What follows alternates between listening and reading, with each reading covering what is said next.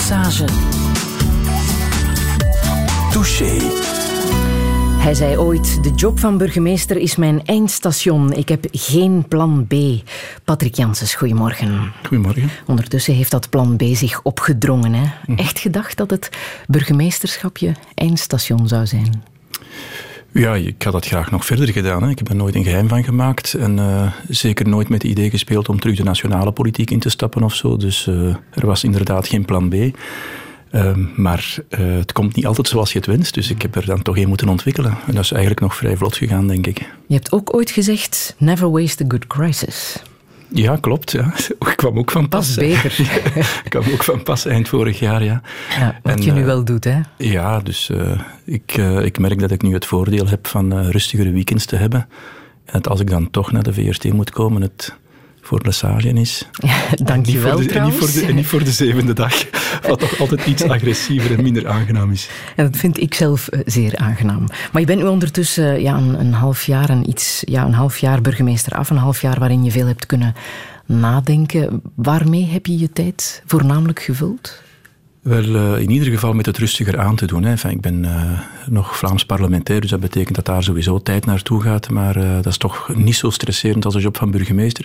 Ik heb veel gelezen, vooral rond stadsontwikkeling, stedenbouw, wat de dingen zijn die mij de voorbije jaren hebben bezighouden en waar ik ambieer om toch wat academisch werk te doen. Dus ik heb eigenlijk heel veel gelezen waarvan ik dacht, had ik dat maar vroeger gelezen, had ik maar de tijd gehad om dat vroeger te doen. Want als politicus heb je eigenlijk heel weinig tijd om je met uh, wat diepgravender academisch werk bezig te houden, terwijl daar toch wel heel relevante dingen kunnen instaan. Maar voilà, je never waste a good crisis. hè? Patrick Janssens, over dat uh, plan B en over zoveel meer zullen we het hebben in uh, deze touché. Welkom.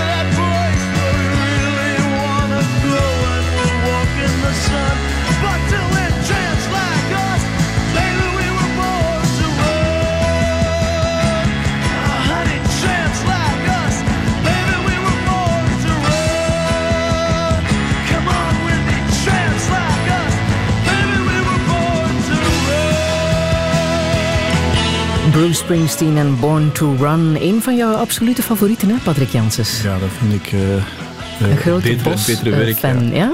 ja? en eigenlijk uh, sinds jaar en dag heel veel concerten van meegemaakt. En buiten de ja, absolute kwaliteit van de rock and roll die hij speelt, want dat is zoals het moet gespeeld worden, denk ik. iemand die met zoveel passie zijn vak beoefent, dat, ja, als je daarvoor naar een concert gaat, het plezier spat van het podium af. Drie uur, drie uur en een half lang. Dat is, uh, zeker toen hij daarmee begon, was dat heel ongewoon. Uh, ondertussen zijn er meer die dat doen, maar uh, ik heb er altijd enorm van genoten. Vooral van de passie waarmee hij zijn ding doet. Maar nooit ontmoet, terwijl hij wel een paar keer in Antwerpen is geweest. Ja, en ik, en ik, geprobeerd heb. Hè. Dus dat is een van de, van de leuke dingen aan het burgemeesterschap, is dat je dikwijls mensen die je bewondert kan bereiken waar je anders niet bij komt. Ik Behalve heb, Bruce Maar bij Springsteen is het me niet gelukt. Ik denk dat hij te veel bevraagd wordt. Touché. Patrick Janssens, laten we het even over jouw plan B hebben. Dat is ondertussen bekend. Je gaat een doctoraat maken over stadsontwikkeling aan de London School of Economics. Wanneer is dat uh, idee naar boven gekomen? Had je dat al langer? Zat dat al te sluimeren? Wel, ik, ik ben mijn loopbaan begonnen als academicus. Ik heb zes jaar eh, gewerkt aan de Universiteit Antwerpen, toen nog UFSIA, bij het Centrum voor Sociaal Beleid van Herman de Leek. Ik ben daar nooit aan een doctoraat toegekomen en het is iets wat altijd wel uh, bij mij is blijven zitten als iets, ja, eigenlijk had je dat misschien wel moeten doen. Dus in die zin uh, is er op de achtergrond altijd aanwezig geweest. Ik heb ook van nabij gevolgd hoe iemand zoals Frank van den Broeke op een bepaald moment ook die stap gezet heeft. Frank was wel wat jonger nog dan ik toen hij dat gedaan heeft.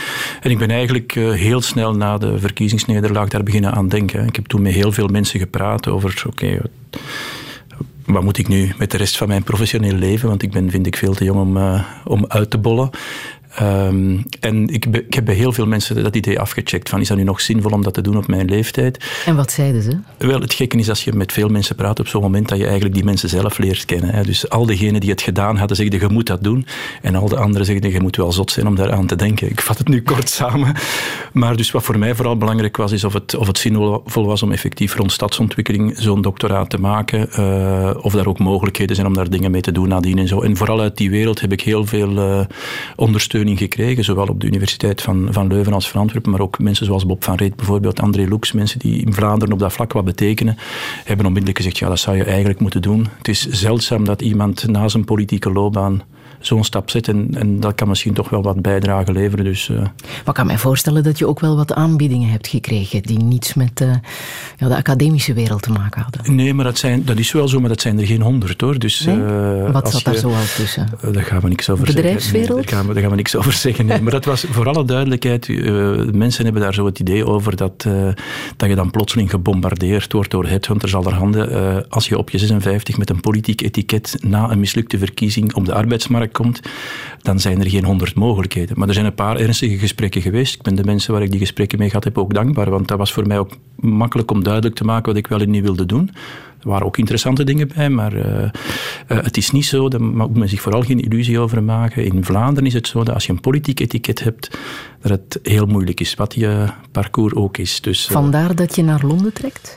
Wel, dat is zeker een van de redenen waarom ik mijn academisch werk in het buitenland wil doen. Uh, er wordt zeker uh, in Vlaanderen onmiddellijk gedacht anders van ja, dat is even geregeld en uiteraard, men heeft dat even voor hem, uh, zus en zo.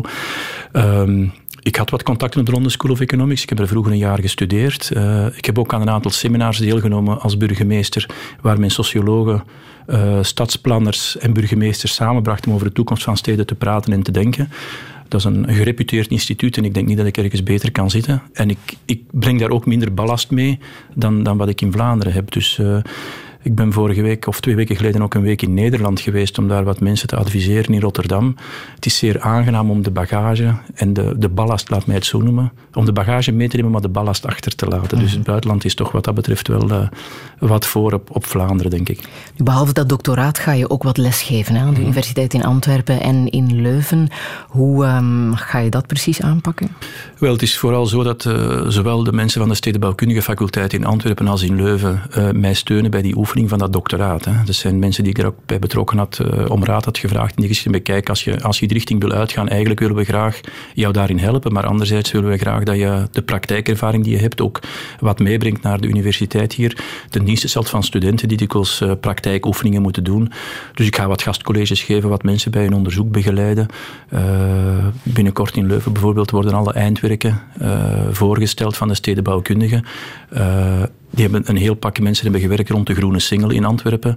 Daar ga ik mee de beoordeling doen van die eindverhandelingen bijvoorbeeld. Dus dat soort dingen. Vooral praktijkgericht, want het echte academische werk, uh, wat stedenbouw betreft, ja, daar ga ik de volgende jaren nog even moeten op studeren, want het is niet mijn basisvorming. Ik ben socioloog van opleiding, geen stedenbouwkundige. Dus ik ga dat met maar je hebt twee universitaire diploma's, hè? Ik ben, ik ben socioloog en, uh, en ik heb nadien ook nog TEW gedaan en een jaar statistiek in Londen. Dus ik, ik heb wel een multidisciplinaire opleiding, zoals men zegt, maar, maar het architecturale en het stedenbouwkundige zit daar niet bij. Dat is iets waar ik vooral praktijkervaring in heb opgedaan de voorbije tien jaar maar waarvan ik merk dat ik toch academisch nog wel wat bijscholing kan gebruiken. En er zijn nog politici die geïnteresseerd zijn in stadsontwikkeling. Annemie Turtelboom, die zei eh, dit hier op Radio 1 in het boekenprogramma na het lezen van Who's Your City van eh, Richard uh, Florida. We leven natuurlijk in een, in een regio die heel verstedelijkt is. Bijna is ons platteland zijn bijna ook steden. In steden heb je bijna de clash altijd tussen extremen. Je hebt de grootste rijkdommer, maar ook de grootste armoede. Je hebt de meeste mensen die aan cultuur of naar toneel of naar film of naar opera gaan, heb je in een stad. Maar je hebt er ook de minste, diegenen die het meeste cultuuranalfabeten zijn. Je hebt er met de haven bijvoorbeeld in Antwerpen een ongelooflijke trekker uh, van je economie. Maar je hebt anderzijds ook de grootste werkloosheid. Touché. Ja, de stad is een clash van tegenstrijdigheden. Hè? Daar kan je wel over meespreken. Ja, dat is zo. Uh, is interessant dat uh, u Annemie Turtelboom opvoert, omdat zij een van de weinige politici is in Vlaanderen die van het platteland naar de stad is verhuisd. Hè. Ja. Uh, ik hoop dat de mensen in Puurs me dat niet kwalijk nemen dat je dat het platteland vindt. Uh, maar meestal is het in Vlaanderen omgekeerd. Hè. Mensen die er vooruit gaan in hun leven trekken uit de stad weg. Dus ik vind dat Annemie een moedige keuze gemaakt heeft. en het is effectief zo dat de grootste tegenstellingen in de stad zichtbaar zijn. Ik denk dat de grootste uitdaging voor onze steden ook is, trouwens dat is wereldwijd zo, hoe kan je die steden verder laten ontwikkelen tot machines van emancipatie, wat ze altijd geweest zijn. Maar hoe kan je dat doen zonder dat de sociale tegenstellingen uh, groter worden en hoe die eigenlijk verkleinen? En dat is, dat is moeilijk in een stad, omdat uh, mensen altijd naar de stad zijn gekomen omdat ze het moeilijk hadden elders en erop vooruit willen gaan. En eens erop vooruit gegaan zijn, dikwijls die stad terug verliezen. Dus, of, of, terug verlaten om, om in de groene rand te gaan wonen, in een villa of in een verkaveling. En dat is een tegenstelling die, waar men eigenlijk vooral in, in het Westen enorm mee worstelt. En uh, waar we denk ik uh, ook in Vlaanderen mee worstelen. En waar ik vind dat uh, men in de politiek zich veel te weinig om bekommert. Er is een schrijnend gebrek aan interesse in, in ruimtelijke aspecten van het beleid in, in Vlaanderen. Ja, doet dat pijn dat je dat niet meer op politiek vlak gaat kunnen opvolgen? Ja, men zegt wel eens: if you can do it, teach it. Hè. Dus uh, in die zin, uh, ik hoop toch wel dat, uh, dat ik nu de rest van mijn leven niet enkel met theorie ga bezig zijn. Zo zit ik ook niet in elkaar. Ik hoop echt wel dat werk te kunnen valoriseren. En, en op welke manier dan? Wel, Wil je dan wat je hebt onderzocht ook kunnen toepassen op een stad als Antwerpen? Wel, dat niet noodzakelijk. maar, want ik denk dat een, een, doctoraat zelf niet noodzakelijk iets is wat je nadien in de sociale wetenschappen toch niet nadien, nadien makkelijk kan in de praktijk brengen.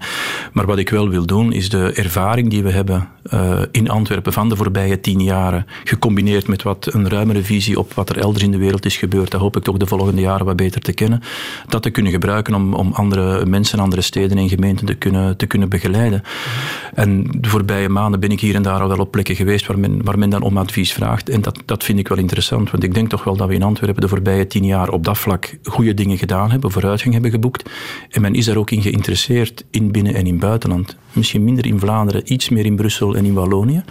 Maar dat is eigenlijk ook het buitenland. Dus dat is misschien ook wel makkelijker om daar wat dingen te doen. Ja. Maar is het onderwerp al afgeleid uh, waarop je gaat wel, doctoreren? De, uh, ik ben daar nu mee bezig, hè, om het echt als onderzoeksonderwerp helemaal af te leiden. Maar in grote lijnen gaat het over hoe uh, ingrepen in de ruimte, dus in het fysiek gebouwde, in straten, pleinen, in woonwijken, hoe die een impact hebben op de sociale samenhang in, in een stad en op de sociale aspecten van een stad. Dat is eigenlijk wat me bezighoudt, hoe je met ingrepen in de ruimte de samenleving kan beïnvloeden. Toen of ten kwade. En heb je al een promotor?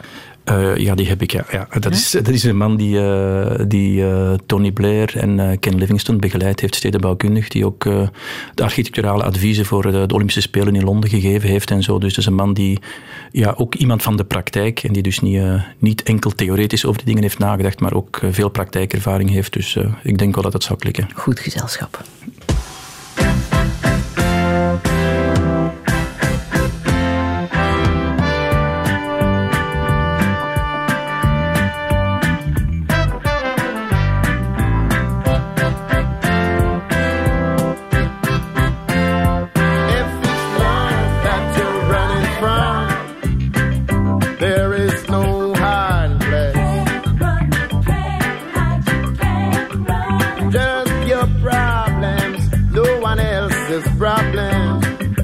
You just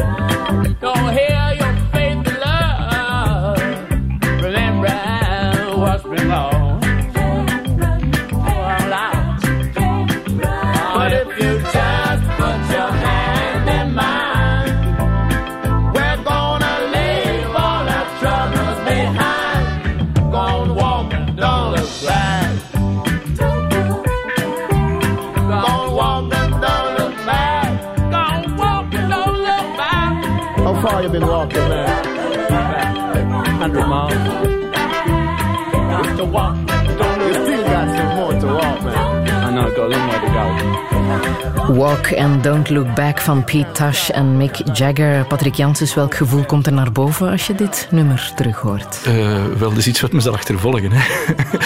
ik heb ja, er is over nagedacht, ja, ik geef ik het toe. Uh, ik, ik, blijf heel erg... Uh, achter die lijn staan als een centraal idee toch in je leven. Ik vind niet dat je te veel moet achterom kijken. De, de oplossingen liggen niet achter jou, die liggen voor jou. En, Dit is wat je gezegd maar, hebt. Maar, toen de kritiek op uh, Oosterweel ja, naar boven begon te komen. Ja, Walk and dus, don't look back. Ja, ik heb dat dus op een verkeerd moment eens herhaald en dat zal me blijven achtervolgen. Uh, en het werd de melodie van de Wappersong. Ja, dus uh, ja, zelfs uh, mensen waar ik toch goed bevriend mee was, hebben dat dan gebruikt om campagne tegen mij te voeren. Dat was eigenlijk redelijk pijnlijk. Mm -hmm. uh, dus ik had dat effectief beter niet gezegd op dat moment. Maar ik denk dat dat als, als motto in je leven soms toch wel belangrijk is. Dat je, en in die zin komt het mij op dit moment ook goed van pas. Je moet niet in het verleden blijven, blijven vasthangen. Je moet kunnen accepteren dat er beslissingen genomen zijn, dat je daarmee verder moet. Naarmate je ouder wordt, zijn er altijd maar meer en meer keuzes die achter je liggen. En je moet je leven niet, uh, niet verdoen door heel de tijd te denken: had ik maar dit en had ik maar dat. Nee, de toekomst ligt vooruit en je moet vooruit kijken. Uh, dat is waarom ik dat een goede lijn vind. En uh, dat dat toch wel een van de motto's is waar ik tracht naar te leven. Maar er zijn natuurlijk momenten dat je moet durven een beslissing in vraag stellen. En even stilstaan, kijken of iedereen nog volgt. En laat ons zeggen, een, een, een goed motto op het verkeerd moment gebruikt. nu, de Oosterweelverbinding zit nu terug in het nieuws hè, door die nieuwe aanbesteding. Doet dat dan iets met, met jou als dat weer naar boven komt? Ja, maar misschien op een andere manier dan mensen denken. Het is eigenlijk een van de dossiers waarvan ik, uh, waarvan ik vind dat ik ze veel vroeger dan de meeste mensen ermee zijn bezig geweest, uh, veel vroeger fouten heb gemaakt. En dat betekent in de periode dat ik partijvoorzitter was. Dat is het moment dat over dat dossier ten gronde is beslist in de Vlaamse regering. Ik was als partijvoorzitter het soort voorzitter die heel erg met de partij bezig was, met de modernisering daarvan, met uh, het personeelsbeleid en hoe we die partij terug op de kaart konden zetten. En ik was veel minder bezig met de actuele politiek. Uh, als ik op dat ogenblik mij bewust was geweest van het feit dat er over zo'n belangrijk Antwerps dossier uh, in de Vlaamse regering werd gesproken, dan had ik op dat moment daar meer impact kunnen op hebben. Uh, dus als ik een ander type partijvoorzitter was geweest, met al wat meer ervaring op dat moment, was de geschiedenis misschien anders geweest. Dus op die manier denk ik over dat probleem terug. En ja, dat, uh, dat is iets wat, wat zal blijven wringen, want ik vind dat ik daar een fout heb gemaakt. Ik vind dat het parcours wat nadien gereden is, ik denk dat ik dat makkelijk kan verdedigen. Ook het feit dat de beslissing is teruggedraaid, het feit dat men nu vanuit Europa een signaal krijgt dat je zomaar niet van een brug een tunnel kunt maken en het aan dezelfde aannemer geven. Wordt het een hoofdstuk in jouw doctoraat? Nee, nee dat ga ik niet doen. Nee. Dat, uh, Stadsontwikkeling? Ja, absoluut. Nee, ik, ik, sluit niet uit dat ik daar ooit uh, wat dingen zal over schrijven of zeggen, maar ik denk dat ik daar te, te nauw bij betrokken ben. Ik, ik zal zeker wel aandacht hebben voor Antwerpen en, en voor wat de gevolgen zijn van de verschillende ontwikkelingen die we in Antwerpen op gang hebben gezet. Hè. Omdat ik denk dat uh, Antwerpen een beetje een laboratorium is geweest de voorbije twintig jaar. Hè. Dat was eigenlijk sinds de oefeningsstad aan de stroom, eind jaren 80, binnen jaren 90, is er in Antwerpen heel veel gebeurd heel grote dingen, heel kleinschalige dingen, dingen door de privésector, dingen door de overheid, dingen door de hogere overheid. En je merkt dat die allemaal op een verschillende manier functioneren. En die dingen ga ik wel proberen mee te nemen. Maar het infrastructuurproject, het mobiliteitsproject Oosterwereld, dat is, uh, mm. Dat is iets anders. Dat zullen we misschien op een ander moment wel eens bekijken, maar daar ga ik even van wegblijven. De slogan, stad is van iedereen, zie je nu nog staan uh, als je door de straten loopt, uh, nu als burger, niet meer als burgemeester. Mm. Wat betekent dat nu nog voor jou? Uh, ik vind het eigenlijk een universele waarheid wat een stad betreft. Hè. Die past bijzonder goed op Antwerpen, omdat ja, Antwerpen het stad is. En een stad is die zo verdeeld is. Uh, niet alleen vandaag, het heel, heel lang al is geweest. Hè. Op heel veel terreinen, tussen linker en rechteroever, tussen links en rechts, tussen jongeren, jonge allochtonen, oudere autochtonen, tussen Antwerpen en Beerschot, tussen het centrum en de rand. Dus Antwerpen altijd een heel verdeelde stad geweest. En toch is die stad datgene wat wij samen als Antwerpenaars allemaal met elkaar delen en waar we samen verantwoordelijk voor zijn. En daarom vind ik dat een perfecte slogan voor een stad. Uh, maar er is nu een uitdoofscenario. Ja, maar die slogan die staat echt getatoeëerd op heel veel plekken in die de stad. Die blijft sowieso bestaan? Ja, je, ik denk niet dat je die zo makkelijk wegkrijgt. Hè. Je, kan, je kan wel stoppen met die op een affiche van de stad Antwerpen te zetten. En dat is heel makkelijk. Hè. Je, maakt, je, je drukt hem gewoon niet meer bij. Maar bijvoorbeeld, uh, we hebben een oefening in gang gezet een aantal jaren geleden, waar op een artistieke manier de elektriciteitskastjes allemaal uh, werden aangepakt. Dat zijn fantastisch mooie dingen. Daar staat allemaal dat logo op met stad is van iedereen. Ik denk niet dat men al die elektriciteitskastjes helemaal op, overnieuw gaat schilderen.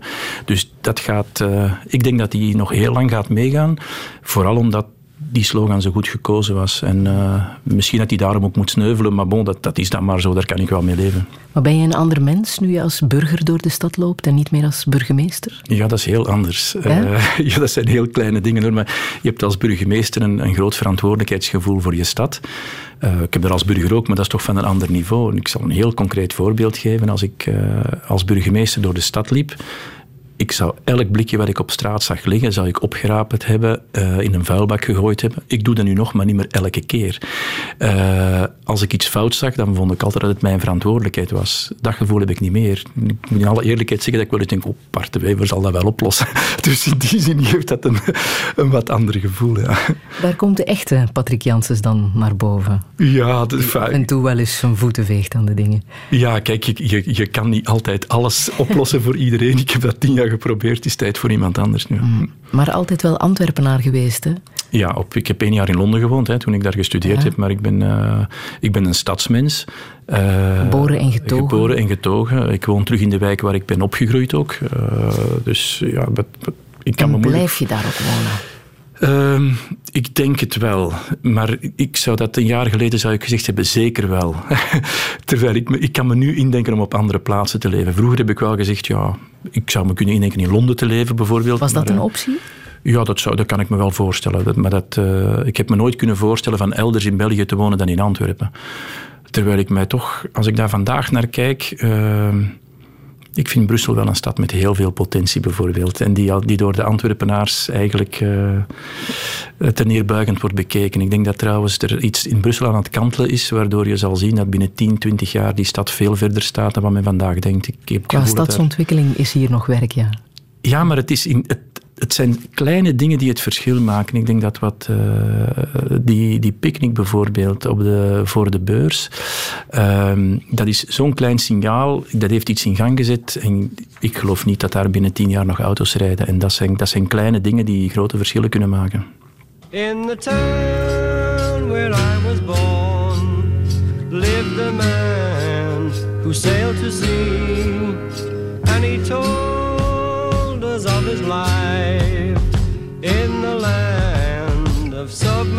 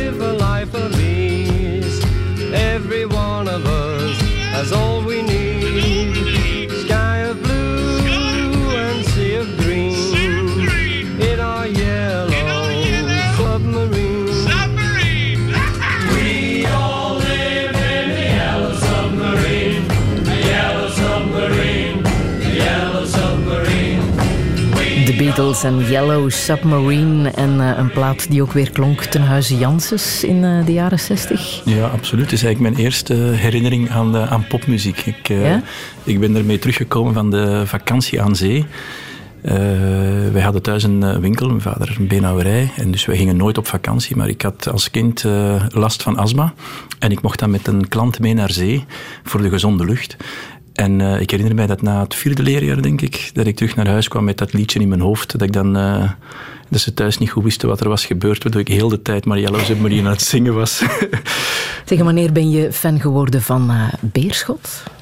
Uh, dat is twee jaar later, denk ik, in 69. Uh, Toch al als kind? Ja, wij, wij hadden uh, een oom die, die wat men toen een loge noemde, had op Beerschot, of in een loge zat, maar dat was gewoon een houten hokje waar een stoel, een gewone stoel in stond. En die, die nam ons wel eens mee.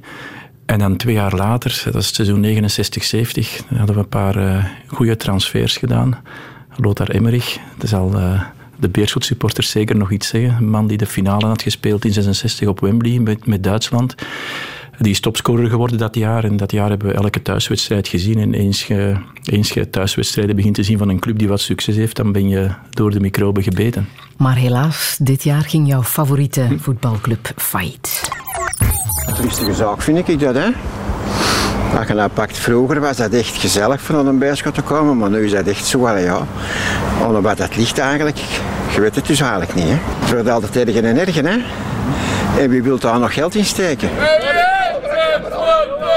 25 jaar materiaal is er 25 jaar voor niks, hè. Het gevoel is meer een begrafenisstemming. Uh... Ik vind het spijtig.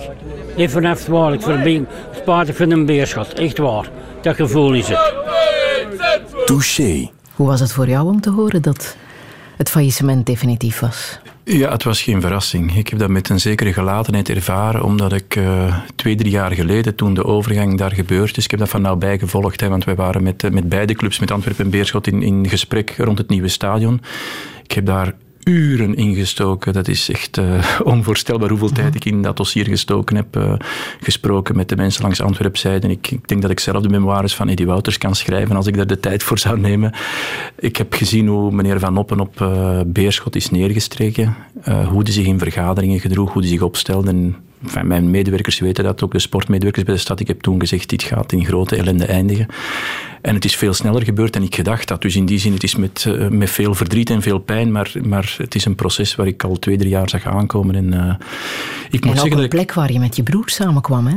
Bij elke thuiswedstrijd. Daar zag jij je familie. Ja, dat is juist. Ja. Ga je dat, nu verleggen naar eh, de eerste provincialer Beerschot-Wilrijk? Ga je daar nu samenkomen? ik, wel, ik denk niet dat al mijn broers er elke keer zullen zijn, maar ik ga daar toch naartoe gaan. Ik heb, uh, ik heb mij aangemeld voor een abonnement. Het toeval wil dat mijn twee oudste zonen bij Wilrijk lang gespeeld hebben. Ik ken die ploeg goed. Ik heb daar heel veel weekends doorgebracht als vader van, van spelende kinderen.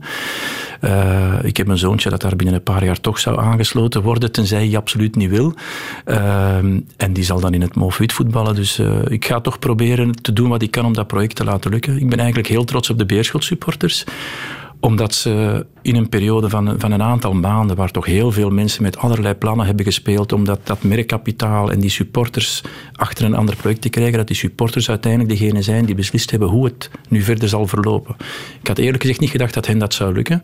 Ze hebben dat wel gedaan en uh, ik denk dat het een moeilijk project is. Ik ben niet zeker dat het zal lukken, maar ik ben eigenlijk heel trots op de Beerschot supporters. En, ga je naar de Vendag op Ik ga er absoluut naartoe, ja. En ik ga mijn zoontje van 2,5 daarmee naartoe pakken. En, uh, om hem proberen toch uh, dat, uh, dat virus al mee te geven. En, en ik ga toch proberen op mijn manier te, te zorgen dat, dat Beerschot terug wat vooruit raakt. En ik heb er volgende week een gesprek over met de mensen die de club nu leiden en zo. Ik zou het, ik zou het heel jammer vinden als aan de zuidkant van Antwerpen die voetbaltraditie verloren gaat. Um, dat, dat, mag niet eindigen zoals het er nu voor staat. Was dat een mogelijke toekomst voor jou geweest, achter de schermen bij het voetbal? Ja, in theorie wel, maar je, dat is, uh, dat is zo'n apart milieu. Ik denk eigenlijk als je in het voetbal, het is jammer dat het zo is, maar ik denk als je in, als je in het voetbal veel moet doen, dat je heel veel geld moet hebben en bereid moet zijn er veel te verliezen. En ik heb nog het ene, nog het andere, dus, dus in die zin zijn mijn mogelijkheden beperkt. Maar ik heb misschien wel wat ervaring die van pas kan komen en dan wil ik graag... Uh, ik vind dat, dat KFC Wilderik een hele goede voorzitter had, heeft. Uh, en ik wil die man proberen te helpen om te zorgen dat het goede van Wilrijk en het, het goede van Beerschot overeind blijft. En dat zal niet makkelijk zijn. Dat gaat geen makkelijk huwelijk zijn, maar, maar het is een mooi avontuur en we gaan proberen er iets van te maken. Je zou ook kunnen veranderen van voetbalploeg natuurlijk, hè, als supporter. Eh, dat is onmogelijk. Hè. Dat zijn dingen die. Uh, dat is niet onmogelijk, maar dat vraagt toch heel veel. Dat is uh, een, een, uh, een, voetbalclub, dat, dat is puur emotie. En emoties controleer je niet helemaal. Dus je kan supporter zijn voor meerdere clubs, maar dan moet het in andere competities en in andere landen zijn. Dat kan niet. ik, ik zie mij niet. In Engeland? Ja, maar daar heb ik ook een favoriete club, dat is bekend. Ik ben een, een grote Tottenham-supporter sinds ik dat jaar in Londen gewoond heb. En, uh, ik wil even met jou terug in de mm -hmm. tijd naar 1984, naar mm -hmm. die UEFA Cup finale tussen Tottenham en uh, Anderlecht. Mm -hmm. Daar was jij bij, hè? Ja, ik, ik woonde niet zo ver van het stadion in Tottenham en ik, heb toen een, een, ik ben speciaal naar België teruggekomen. Dat was, ik weet nog wat het mij gekost heeft, 1200 frank. Dat was heel veel geld voor een student uit Engeland, plus de overtocht. Uh, achter de, de goal ben ik naar, naar Anderlecht komen kijken en nadien de terugwedstrijd in Tottenham gezien. Uh, en dat ging zo. Een rustige zaak vind ik dat, hè? Dat pakt vroeger was dat echt gezellig van een beerschot te komen, maar nu is dat echt zo, ja. Onder wat dat ligt eigenlijk, je weet het dus eigenlijk niet. Hè. Je gaat altijd tegen ergen, hè. En wie wil dat? De man die het deed, uiteindelijk, John Parks, 21. Feest kan beginnen. Fantastische finale. Paul van Imst toch niet uh, te ontgoocheld? Ja, natuurlijk uh, toch een beetje ontgoocheld na, na die prachtige wedstrijd. Als je ziet dat het moet beslecht worden op penalties, is het natuurlijk echt aankomen. Ik denk dat dat het zwaarste is. Als je geklopt zit in de wedstrijd zelf, ja, dan moet er je bij neerleggen. Penalties is toch het zwaarste. Touché. Ja, Beerschot wou zich nog eens laten horen, maar ik hou dus nog dat fragment uit de 84 met commentaar van Rick de Sadeleer, Anderlecht Tottenham. Ondanks het verlies, hoe heb jij dat toen uh, beleefd, die avond, weet je dat nog? Dat was eigenlijk, uh, ik was geen Anderlecht supporter voor alle duidelijkheid. Hè, dus dat is erger voor Paul van Imstaan voorbij. Dus je hebt gevierd, want ja. Nee, dat nu ook niet, omdat je op dat moment toch een dubbel gevoel hebt, omdat daar een Belgische club staat. Ja. Maar ik, was, ik, heb, ik heb al die thuiswedstrijden van Tottenham gezien dat seizoen, zowel in de competitie als voor de Europabeker. Johan Cruijff speelde toen trouwens bij Feyenoord zijn laatste seizoen. Ik heb, ik heb Johan Cruijff zien scoren op Tottenham toen. Ehm, dat was een fantastische avond. maar het is wel, dat kon Paul van Imst toen nog niet weten. Maar het is wel het seizoen waar uh, Anderlecht in de finale is gekomen omdat ze een scheidsrechter wat geld hadden geleend in een wedstrijd voordien tegen Nottingham ja, Forest. Dus, een luchtje aan, hè? dus Anderlecht had helemaal niet in die finale mogen staan. Dus uh, gelukkig wist ik dat niet op dat moment, want het waren zuurverdiende centen toen.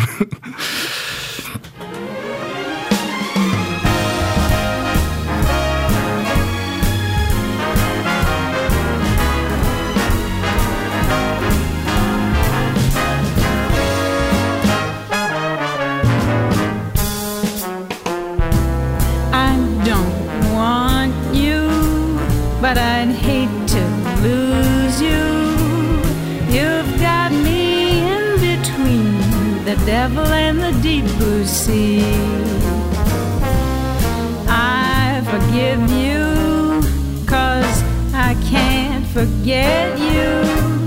You've got me in between the devil and the deep blue sea. How to cross you off my list, but when you come knocking at my door, fate seems to give my heart a twist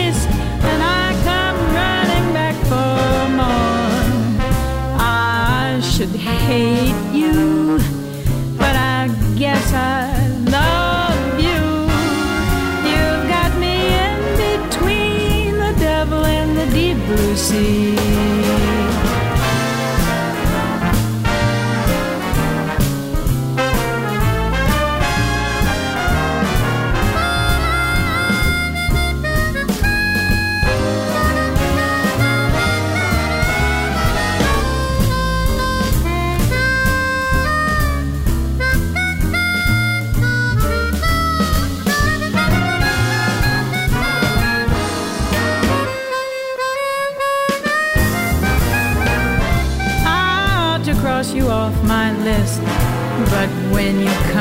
knocking at my door, fate seems to give my heart a twist,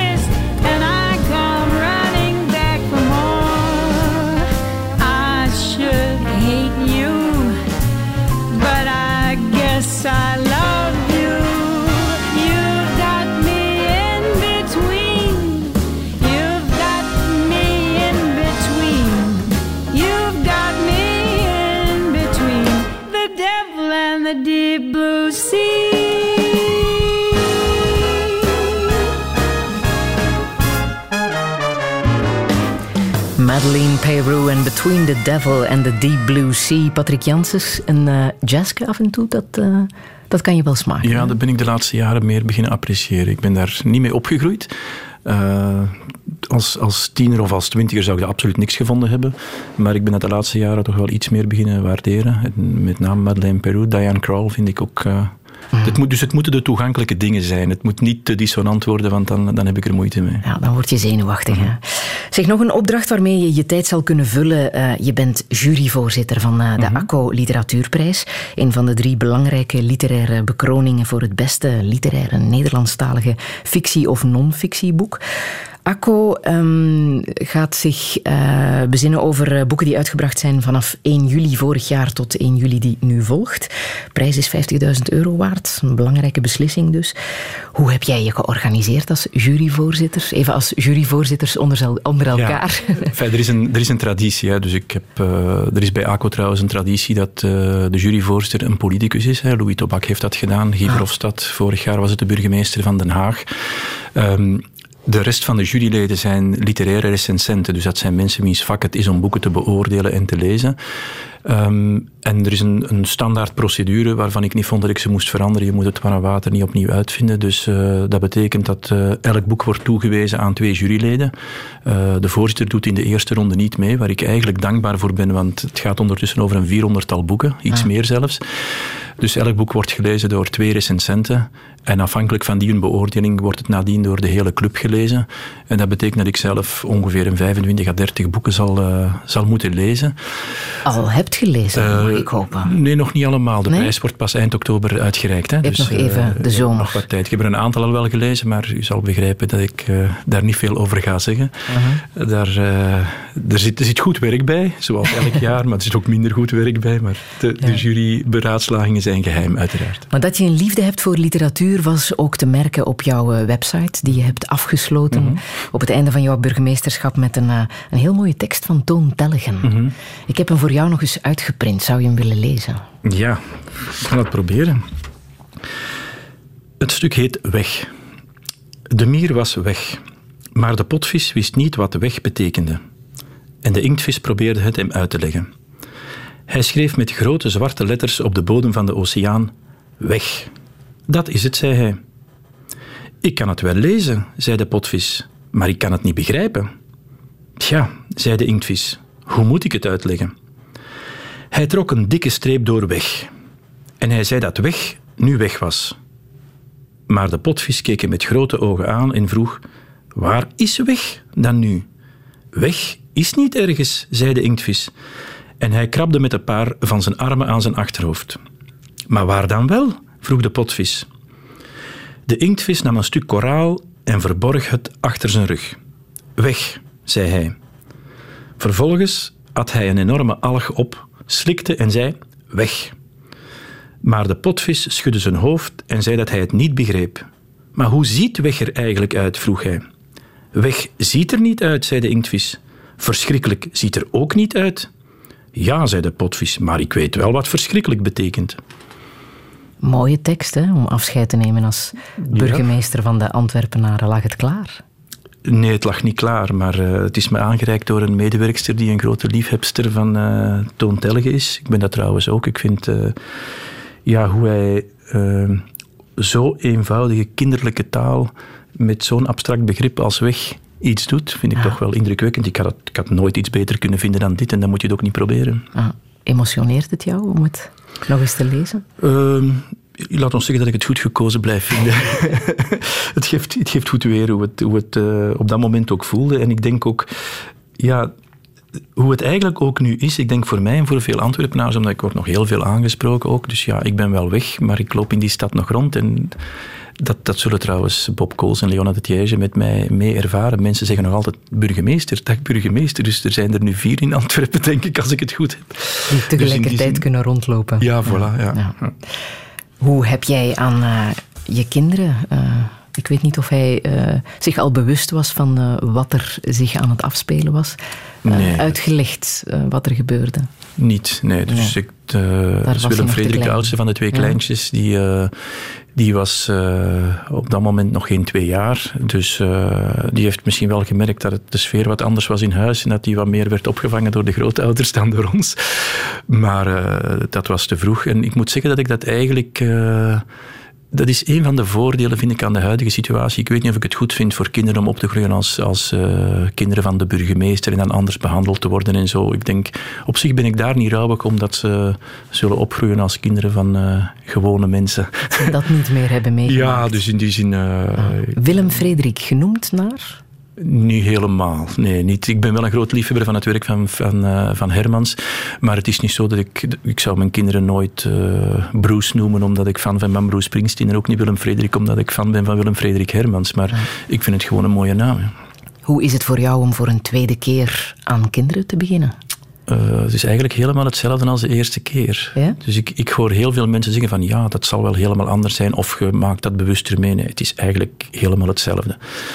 Ik heb eh, twee oudere zonen die ongeveer evenveel van elkaar verschillen als mijn twee jongere zonen nu. En eh, het is eigenlijk heel eh, vergelijkbaar, vind ik. Het is een fantastisch cadeau om vader te worden van, van fijne kinderen met een fijne vrouw. Ik heb het geluk dat mij dat twee keer op die manier is overkomen.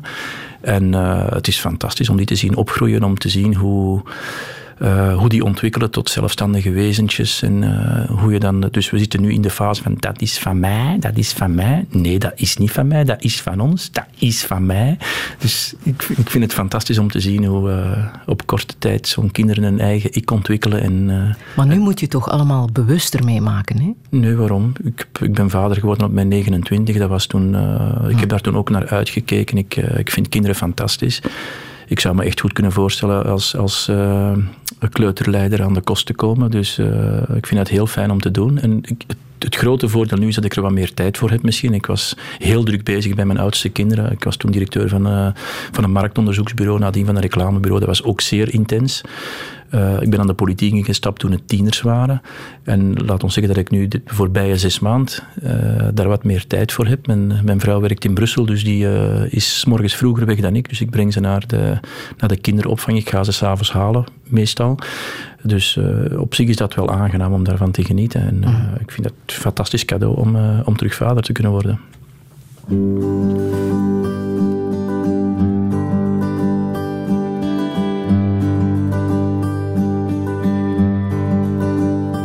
In mijn hoofd is alles heel eenvoudig. In mijn hoofd valt alles op zijn plaats. Geen verderf, geen loeiende reclame. Welkom, welkom in mijn hoofd. Er is tijd voor eender welke richting. Er is plaats voor eender welke stroom. Er is rust om alles te overschouwen.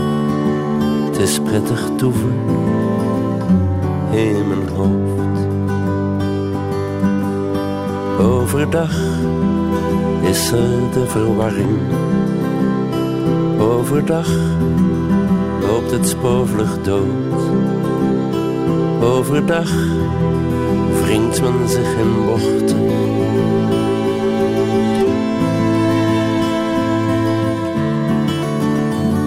Er is water voor wie echt wil drinken.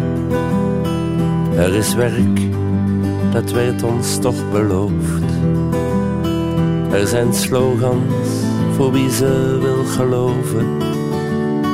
Maar de kern zit in mijn hoofd.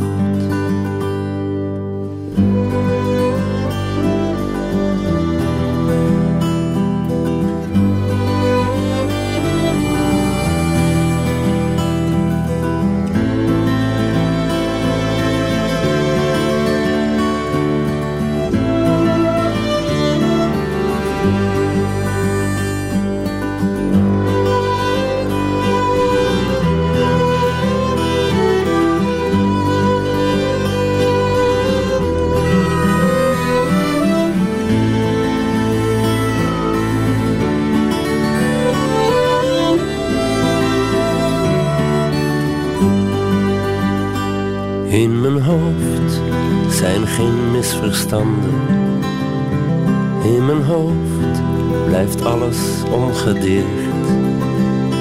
In balans, onuitgesproken.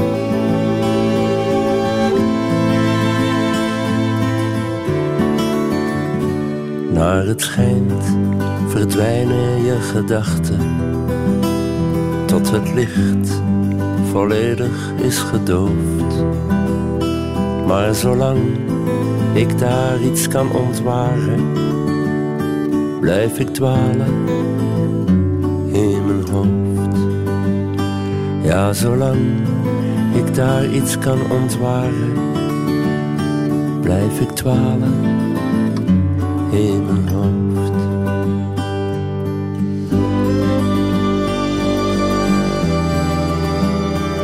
In mijn hoofd. Prachtig nummer van uh, Raymond van het Groenewoud. Jij bent al heel lang fan, uh, Patrick Janssens. van het eerste uur, denk ik. Ja, ja ik vind het uh, toch van het beste wat we in Vlaanderen hebben. Ja. en dit vind ik een bijzonder mooi nummer, omdat het vooral op momenten in je leven dat het even heel verward is en heel moeilijk kan het zijn dat niemand begrijpt hoe, hoe dat je met de dingen omgaat terwijl het in je hoofd zo helder en eenvoudig is, maar dat je het niet uitgelegd krijgt. Vooral, vooral op crisismomenten, ook, ook persoonlijke crisismomenten. Eh, ik vind dat eh, dat nummer dat heel goed weergeeft. Een andere tekst van hem, Vlaanderen boven, heeft je ooit eh, geïnspireerd tot het maken van een schilderij. Ja, dat klopt, ja. Omdat ik dat een heel Breugeliaans nummer vind. Hè. Dus ik vind dat... wat is- had je toen geschilderd? Eh, dat was, eh, ik ben er eigenlijk, was er niet tevreden over. Laat me dat eerst en vooral zeggen. Ik ben zelden tevreden van mijn schilderwerk. Maar het was een, eh, een interieur waar een venster open stond, wat mij de mogelijkheid gaf om dingen binnen te laten zien en buiten. En dan bijvoorbeeld door het raam zag je de Koekelberg Basiliek als een kerk in het midden staan. Maar Mossel met friet stond op de tafel. En dus ik toen ik eraan begon, had ik de idee van al wat in dat nummer staat, moet op dat schilderij staan. En dat is me niet gelukt. Dat was, dat was te moeilijk, maar dat, daar hoop ik toch ooit nog eens te doen. Op Ja, want hoe gaat het ondertussen met de schilder in jou? eh, ik ben heel erg aan het oefenen. Hè. Dus ik zit in opleiding. Dat betekent, dat is... eh, zoals, bent echt les zoals aan het volgen. Ja, dus ik zit nu in het tweede jaar van de academie. Ik hoop te mogen overgaan naar het derde jaar. Hoewel ik af en toe een problematisch spijbelaar ben. Dus ik hoop dat mijn lerares genade heeft. Maar eh, ik ben veel aan het oefenen. Dus dat is als een, dat is als een voetballer die alleen maar traint en niet mag, eh, geen wedstrijden mag spelen. Dat is hoe het nu voelt. Dus het is Ah. echt... eh, En waarom heb je dat schilderen nodig? Ehm, wij- en ik ben, ben sowieso in, in, in kunst en in schilderkunst al, eh, wel geïnteresseerd geweest altijd. Ik ben heel toevallig heb ik dat terug opgepikt, omdat er veilingen voor het goede doel in Antwerpen werden georganiseerd door het Veilinghuis Bernards. En eh, ik ben daar langzaam maar zeker wat meer mee begonnen. Ik heb gemerkt dat mij dat enorm ontspant. Dat je als, je als je echt de tijd hebt om er een uur of twee, drie mee bezig te zijn, dat de hele wereld staat stil. Je bent gefocust op iets heel introvert. En dat, eh, dat compenseert heel goed, heel goed de rest van mijn leven. En eh, ik geniet daar wel van. En het, het- ik, ik blijf het wonderlijk vinden dat je met een wit doek begint en met tubes verf. En als het je lukt, dan is er nadien iets wat er voordien niet was. En dat iets betekent. Dus ja, dat is wat creëren betekent. Dus dat vind ik, en het zijn altijd, hoe slecht het ook is, het zijn unieke stukken. Dus dat vind ik eh, aan, aan schilderkunst echt, eh, echt fantastisch. En hoe is jouw ervaring met lesvolgen aan de academie? Ehm, dat is eigenlijk heel fijn. Eh, er zitten heel, heel verschillende mensen. Ik, ben, ik, ik kende het deeltijds kunstonderwijs eigenlijk niet zo goed. Hè. Ik zit op de Academie van Berchem, die ik echt iedereen kan aanbevelen. Omdat je van bij de aanvang merkt dat men eh, toelaat je, dat je je eigen stijl ontwikkelt. Hè. Je hebt academisch waar de visie van wie daar les geeft als een soort stempel wordt overgegeven. En dan kom je uit een school. En dat is eh, op de Academie van Berchem niet zo. Hè. Het, het werk van de eindejaarsstudenten hangt nu bij het Veilinghuis Campo. Dus eh, enfin, ik denk dat het morgen niet meer dat het morgen weg is. Maar je ziet dat wie daar uitkomt een eigen stijl heeft ontwikkeld. Wat is jouw eh, stijl?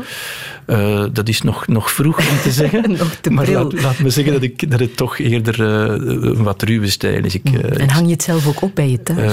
er hangen hier en daar wel wat dingen, maar nog niet, nog niet, ze zijn nog niet goed genoeg om, om de, in de living te mogen. maar het is, wat, ik, wat ik doe is heel, heel, heel bruut en heel fors. Het is figuratief, voor alle duidelijkheid. Ik, ik, denk, ik zie mezelf niet veel abstracte dingen maken, maar het is niet, niet van dat fijn gedetailleerd werk. Dat, ik ben meer geïnspireerd door de impressionisten dan eh, door de, de 17e eeuw, laat ons het zo zeggen. Doe jij aan kunst in huis? Eh, wel, eh, mijn echtgenote leidt dat instituut hè, op dit moment. Dus, eh, ik ben, eh, maar we hebben wel wat dingen eh, aan de muur hangen. Maar, eh, Een interessant iets, hè? een uitleendienst voor, voor ja, het kunst. is eh, een bijzonder interessant concept. Hè, waar eh, mensen die misschien niet de middelen hebben om, eh, om zelf kunst te kopen op een heel betaalbare manier eh, dingen in huis kunnen kunnen, lenen, halen. Ja, Eh, zoals een boek. En, en eh, zoals een bibliotheek. Maar ook op termijn, als ze willen eh, het toch kunnen aanbetalen om op termijn iets te verwerven. En, eh, het is eigenlijk eh, iets, denk ik, wat, eh, wat nog heel veel mogelijkheden biedt. Dus eh, ik hoop dat dat eh, de volgende jaren nog een mooie toekomst heeft. Zullen we nog muziek laten horen uit Emilio Gioventù?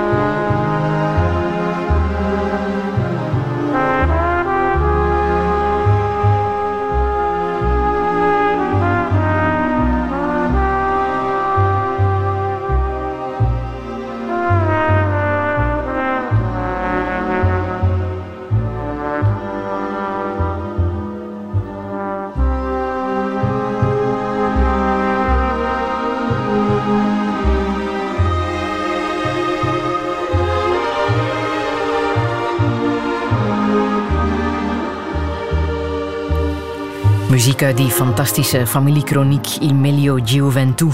De liefde voor Italië, daar zullen we het ongetwijfeld zo meteen nog over hebben in het tweede uur van Touché met Patrick Janssens. Radio 1. Friedel Lesage. Touché. Met als gast doctorandus Patrick Janssens. De komende jaren werkt hij aan een doctoraat over stadsontwikkeling aan de London School of Economics.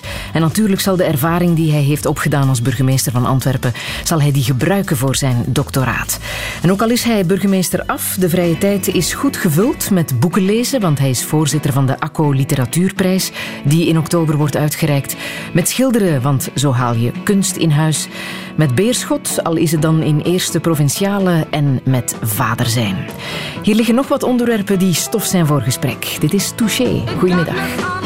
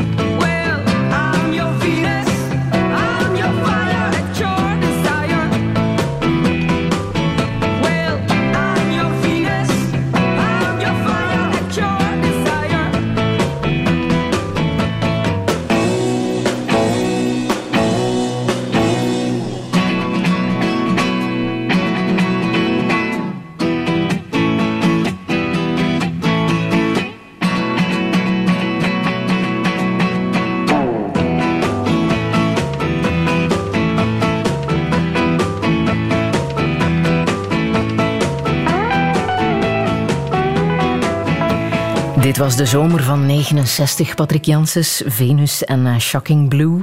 Heb je daar nog herinnering aan? Eh, Ik herinner mij zeer levendig de cover van de, de single.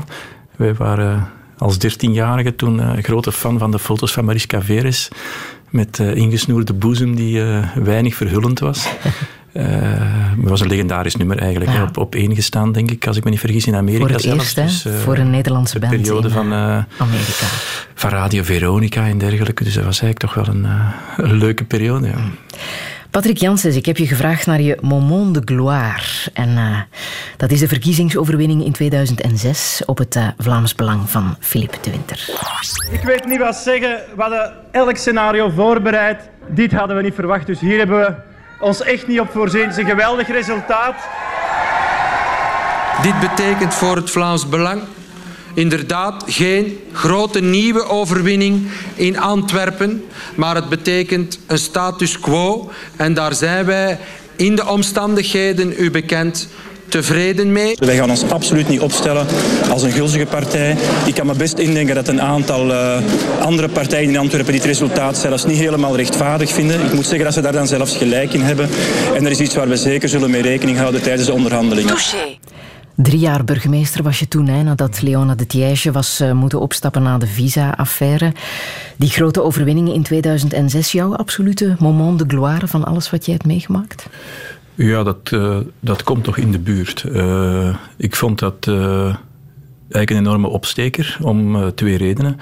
We waren toen met een uh, vernieuwde ploeg begonnen in 2003 op een moment dat we toch in Antwerpen voor de afgrond stonden. Dat was het gevoel dat op dat moment toch een beetje overheerste. Het was een behoorlijke crisis. Als dan drie jaar later uh, dat soort plebiscit komt bij een verkiezing, dan is dat denk ik uh, bijzonder goed nieuws. En, en wij zijn toen ook met heel veel moed met, opnieuw aan de slag gegaan. Maar het was, uh, denk ik, voor heel Antwerpen en misschien zelfs ruimer op dat moment een, een, opluchting dat voor de eerste keer die opgang van het Vlaams Belang, het Vlaams Blok, gestopt was. Uh, dat die partij niet langer de grootste partij was in Antwerpen. Iets waar we zelf geen rekening hadden mee gehouden voor de verkiezingen. En uh, ik moet zeggen dat ik daar toch, uh, ik ben er eigenlijk wel trots op, ook vandaag nog. En uh, ik denk met mij de hele ploeg die daar toen hard aan gewerkt heeft. Want sinds 87 denk ik was er die gestage opgang, verkiezing na verkiezing, dat telkens opnieuw uh, die partij vooruit ging. Terwijl het toch een partij is met een gedachtegoed dat een stad niet erg vooruit brengt. Hè. En Antwerpen denk ik ook heel veel schade heeft toegebracht. Dus, kan je zeggen wat het meest fijne aspect is van het burgemeesterschap? Oh, dat vind ik moeilijk, maar uh, omdat het zo'n diverse job is. Maar waar ik, waar ik persoonlijk uh, het meest van genoten heb, is dat je uh, met een grote ploeg mensen, als je erin slaagt die allemaal achter één vlag en achter één doelstelling te krijgen, dat je zo ontzettend veel kan realiseren op een korte tijd. En dat je dat dan ook nog eens ziet in de straten, op de pleinen. En dat je er door mensen wordt op aangesproken. Het is, het is zelden zo dat je uh, in een positie zoveel kan realiseren. En dan tegelijkertijd nog zoveel contact hebt met de mensen die daarbij betrokken zijn. Uh, ik denk als je. Ja, iemand zoals Obama neemt nu een zeer extreem voorbeeld. Toch een man die in een positie zit dat hij heel veel kan realiseren. Met een grote ploeg mensen werkt hij gaat daar veel minder het resultaat van zien als hij dagelijks zijn deur buiten komt. Uh, en ik denk dat het een job als burgemeester het grote voordeel heeft dat je echt eer aan je werk kan halen. Maar dat je ook tegelijkertijd op je vingers kan getikt worden, uh, elke dag op straat, als het, als het niet oké is. En dat is zeker met uh, mondige Antwerpenaars iets wat ook altijd gebeurt. Dus je staat heel dicht bij de mensen en toch doe je belangrijk werk. Ik vond dat aangenaam. En eerlijk, wat vond je het minst fijne aspect? Wat deed je echt niet graag? De gemeenteraden. De gemeenteraden. Maandag was een lastige ja, dag. Ja, omdat, je, omdat het aan theater was. Uh, eigenlijk is het belangrijke werk op dat moment gebeurd. Dat betekent niet dat, uh, dat je de beslissingen allemaal zelf hebt genomen, want dat maakt minder dan soms van als je zegt de gemeenteraden waren moeilijk of lastig of niet aangenaam het werk, ook het nemen van de beslissing, is vooraf doorgepraat met heel veel mensen. En uh, dat betekent op dat moment dat je toch door een, door een urenlange vergadering moet, waar mensen hun theaterstuk opvoeren. En waar het er eigenlijk op dat moment. Uh, is misschien jammer dat ik dat moet zeggen, hè, want het zou een democratisch hoogtepunt moeten zijn, maar dat is het meestal niet. En dat betekende voor mij persoonlijk om zeven uur daar beginnen tot half twaalf, twaalf uur op diezelfde stoel zitten als voorzitter, terwijl, alle anderen binnen en buiten lopen, ondertussen bij de pers gaan vertellen wat ze er allemaal van denken, maar zelf moet je daar op die stoel machteloos toezien. Dat zijn, dat zijn martelingen geweest. En ik moet zeggen dat ik nu af en toe de maandagavond, als ik, uh, laat ons zeggen dat de gemeenteraad er niet eenvoudiger op geworden is in Antwerpen, dat de sfeer er niet beter op geworden is. Ik prijs me elke maandagavond, uh, als het gemeenteraad is, gelukkig dat ik, dat ik er niet moet zitten. Mm. Nu, uh, het succes van 2006 heb je niet kunnen uh, verzilveren. In oktober vorig jaar klonk het zo. Wat is het resultaat in Antwerpen? 38,1 voor de NVA, 29,1 voor de stadslijst van Patrick Janssens. Vrienden, Vlamingen, stadsgenoten, de kracht van verandering heeft het gehaald. En wij gaan door. Ondanks het feit dat uh, bijna 1 op 3 van de Antwerpenaars voor ons gestemd heeft, hebben we deze verkiezingen verloren. Dat gaan we dan ook ruiterlijk toegeven. En uh, het initiatief is aan meneer De Wever.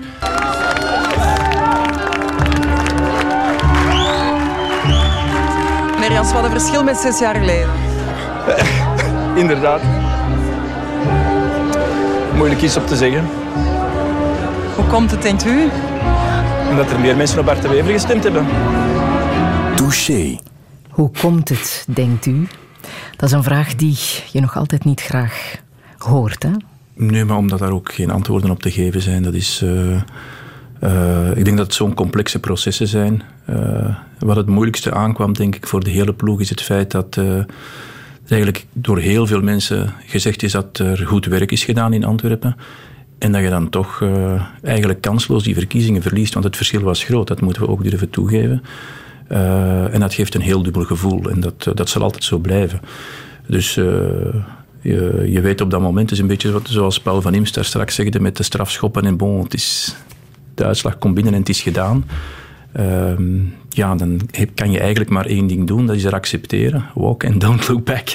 En ja, ik heb, ik heb eigenlijk geen zin om daar heel ingewikkelde analyses over te maken. Maar het was de eerste keer dat we een echt emotionele Patrick Janssens zagen, hè? die uithuilde op de schouder van zijn goede vriend Shane Bervoets. Hadden we Ja, die, ik denk die niet dat echte Patrick eerder moeten zien? Ja, mensen hebben dat gezegd. Als, je, als, je, als we dat eerder hadden gezien, had je gewonnen. Dat vind ik de grootste flauwekul die, die ik daarover gehoord heb. Ik denk niet dat het de eerste keer is dat mensen mij publiek emotioneel gezien hebben. Ik denk dat mensen mij ook emotioneel gezien hebben na de, de, de raid van Hans van Temsen en wat dat in Antwerpen teweeggebracht heeft. Heb ik toch ook wel momenten gehad dat het, dat het uh, emotioneel moeilijk was en dat dat hier op de VRT trouwens in de zevende dag te zien was. Um, maar ik ben ik vond dat eigenlijk in alle eerlijkheid wel een fijn moment. Uh, in die zin dat uh, ik zal Jean altijd dankbaar zijn voor het feit dat hij daar was. Um, dat is iets wat mensen normaal misschien niet zien, maar het heeft voor mij die avond uh, makkelijker om dragen te maken, gemaakt. Dus als Jean daar niet zou geweest zijn, dan had ik mij ongetwijfeld sterk gehouden, maar dat zou niet noodzakelijk een mooier moment geweest zijn. Dus ja, kijk, het is een, een, vak van winnaars en verliezers. Mm -hmm. Je eindigt in de politiek meestal als verliezer, want anders doe je voort. Dus ik heb er geen moeite mee om dan te laten zien dat het uh, ook pijn kan doen. Mm. Ben je daardoor ook zogenaamde vrienden verloren? Um, nee, nee, dat denk ik niet. Maar uh, je leert je vrienden wel beter kennen. Hè? Dus ik moet zeggen dat uh, er zijn mensen waar je plots niks meer van hoort. Um, dat is leerzaam. Maar er zijn mensen waar je het niet van verwacht, waar je op dat moment wel veel van hoort. En dat is, dat is zeer aangenaam. En dat, dat is nog altijd zo. Dus ik mm. heb vorige week nog van iemand waar ik dat absoluut niet van verwacht had, een mailtje gekregen. Om te zeggen van ja, daarom en daarom missen we jou. En dat en dat vinden we niet plezant op dit moment. Dus iemand waar ik nooit had van verwacht die mij dat mailtje zou gestuurd hebben. Dat zijn dingen die, uh, die dan aangenaam zijn. En, uh, dat is eigenlijk een goede raad die ik toch maar iedereen kan geven. Wanneer iemand er alleen voor staat, dan heeft hij jou het hardst nodig. En uh, dan komen de, de mensen die echt om je geven boven. En dat, dat zit ik eens op uh, verrassende plaatsen. En dan wordt het leven ook intenser, denk ik. Ja, dat zijn leerzame momenten. Uh, dat zijn leerzame momenten en uh, je moet die ook koesteren. Dus je, het leven is, uh, zoals uh, Johnny Jordaan zei, een lach en een traan. En het kan niet altijd maar goed nieuws zijn, want anders is dat goede nieuws ook geen goed nieuws meer. Dus, mm. Hoe ben jij toen die avond thuisgekomen? Met een veloke, met de fiets.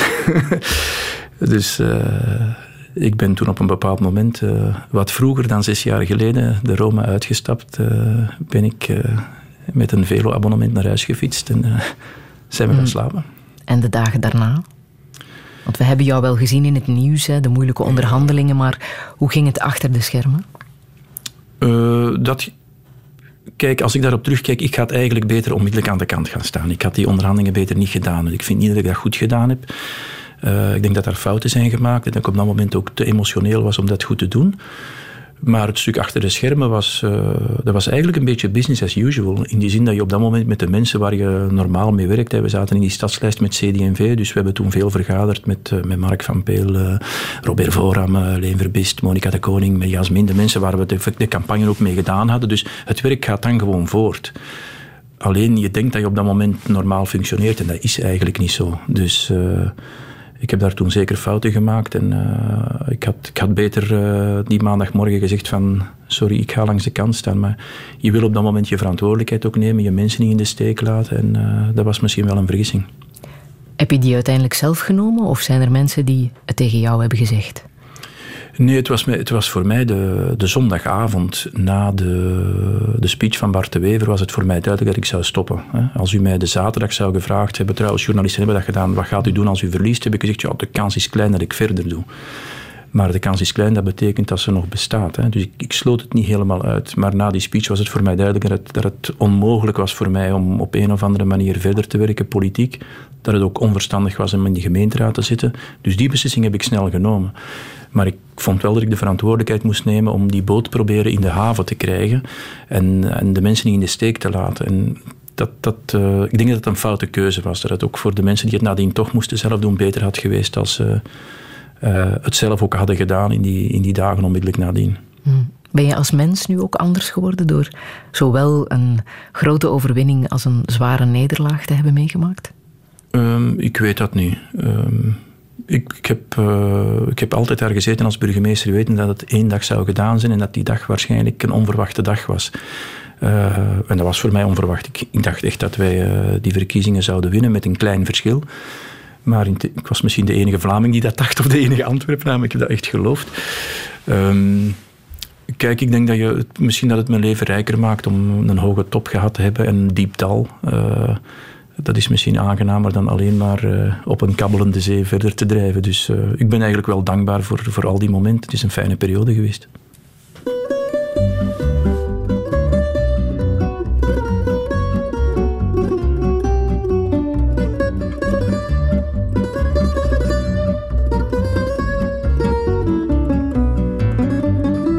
Se ser fadista é ser é perder o sol de vista.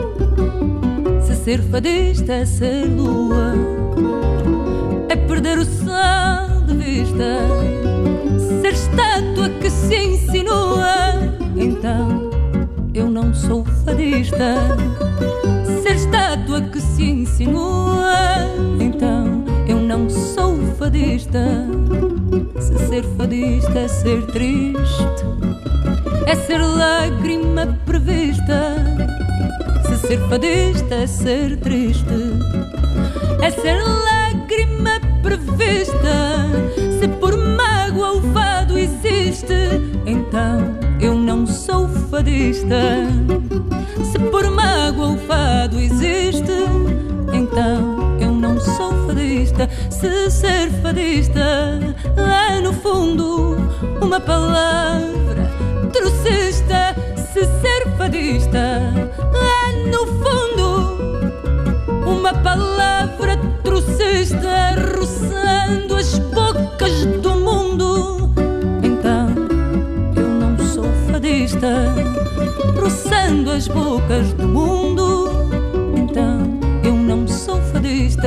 se é partir à conquista de tanto verso ignorado, mas se é partir à conquista de tanto verso ignorado, então eu não sou fadista.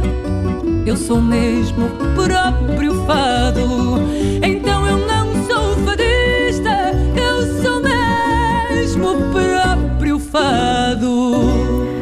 Portugese Maritza wou je zeker laten horen hier in uh, Touché, Patrick Janssens, omdat je haar wel op het stadhuis hebt gekregen. Ja, die heb ik, dat is me wel gelukt, ja. Dus ik heb eh, Marissa heel toevallig eh, leren kennen omdat ik naar eh Gent Jazz was geweest voor eh Madrideus.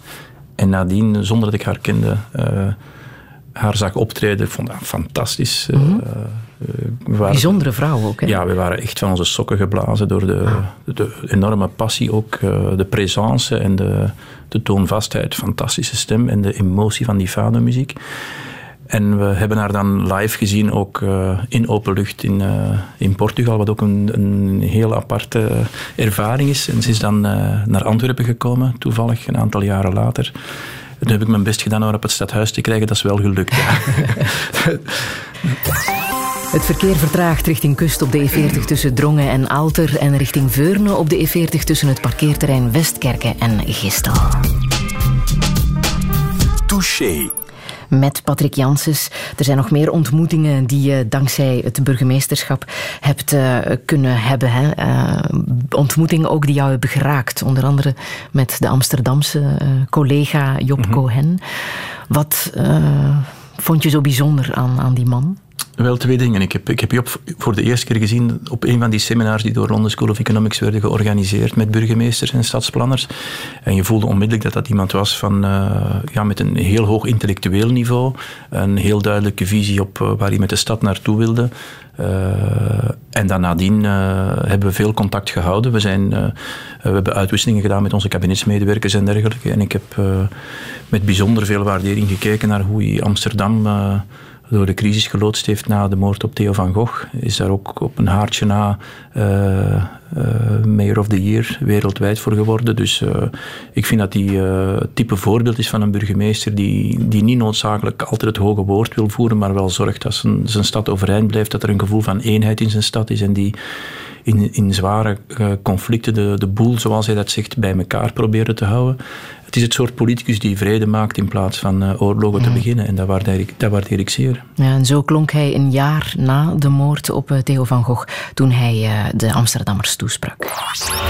Zoals wij hier zijn, verschillen wij van elkaar op allerlei manieren. Maar wij zijn één in onze woede en in ons verdriet. Eén in onze overtuiging dat de vrijheid om te zeggen wat je vindt een fundament is van onze samenleving. Touché.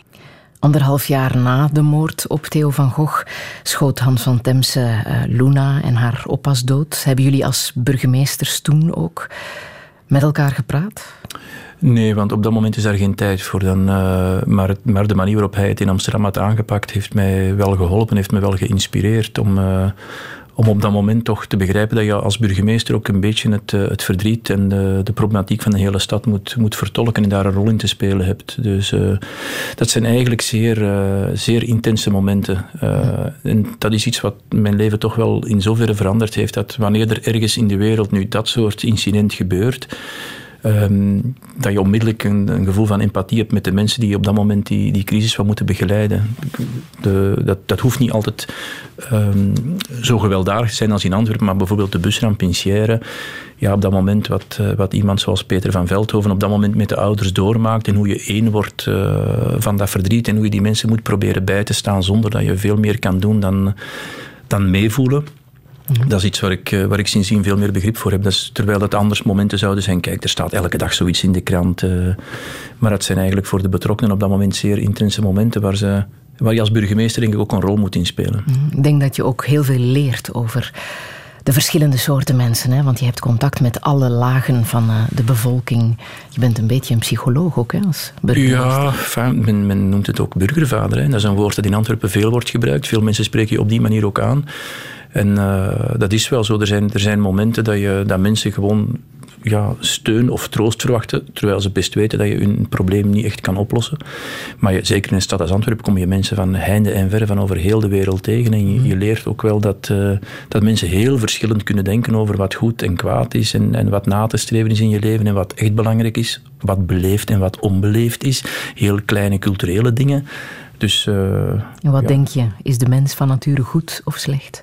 Ik denk dat de mens een onbeschreven blad is als hij geboren wordt en dat hij goed en slecht kan evolueren. En dat het heel erg afhangt van, uh, van ja, welke kansen hij krijgt. En, uh, ik, blijf, ik blijf toch een socioloog die gelooft dat de sociale omgeving zeer belangrijk is.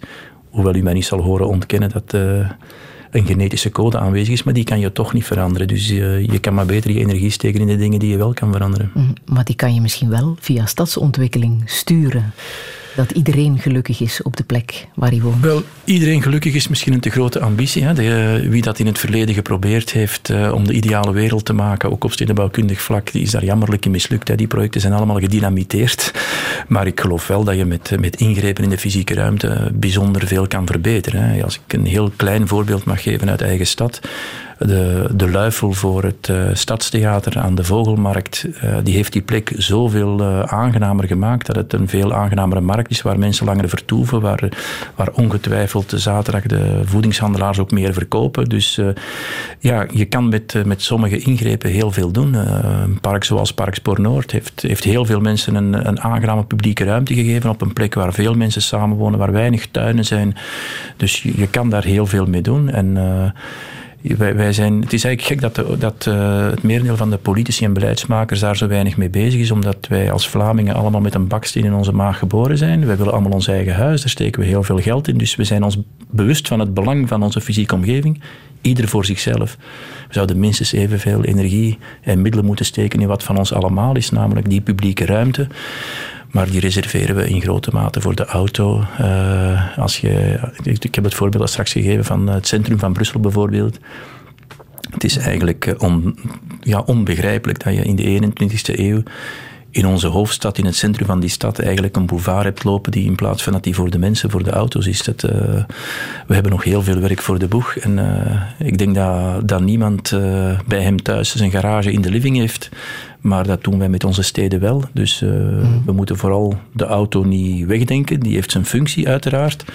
Maar die functie is niet in het midden van de stad. Net zo min als die in het midden van eh, ons huis ook niet staat. Er zijn nog meer mensen waar je grote bewondering voor hebt. Hè? Nelson Mandela, waar het Mhm. nu gelukkig weer iets beter mee gaat. Zijn eh, situatie is stabiel nadat hij Mhm. vorige week is opgenomen met een eh, longontsteking in het ziekenhuis.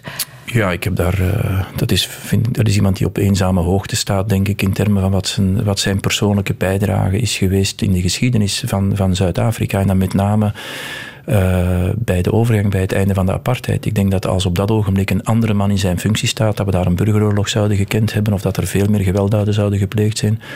Als je vergelijkt eh, hoe Zuid-Afrika evolueert en je vergelijkt dat met waar Zimbabwe staat. Eh, dan denk ik dat, eh, dat daarmee heel veel gezegd is. En ik denk dat af en toe, ik ben iemand die gelooft in grote structuren, in grote bewegingen, in grote lijnen, maar af en toe kan een individu het verschil maken. En ik denk dat Mandela dat in Zuid-Afrika echt gedaan heeft. Mm. Groots geworden door de nederlaag die hij ook heeft moeten doormaken. Hè? Absoluut. Heel lang eh, door de woestijn gegaan. Is, het is onvoorstelbaar dat iemand zo lang kan vastzitten, zo lang eh, onderdrukt wordt, ook persoonlijk, om dan nadien op zo'n grote manier terug te komen. Ik vind dat eh, heel veel respect verdienen.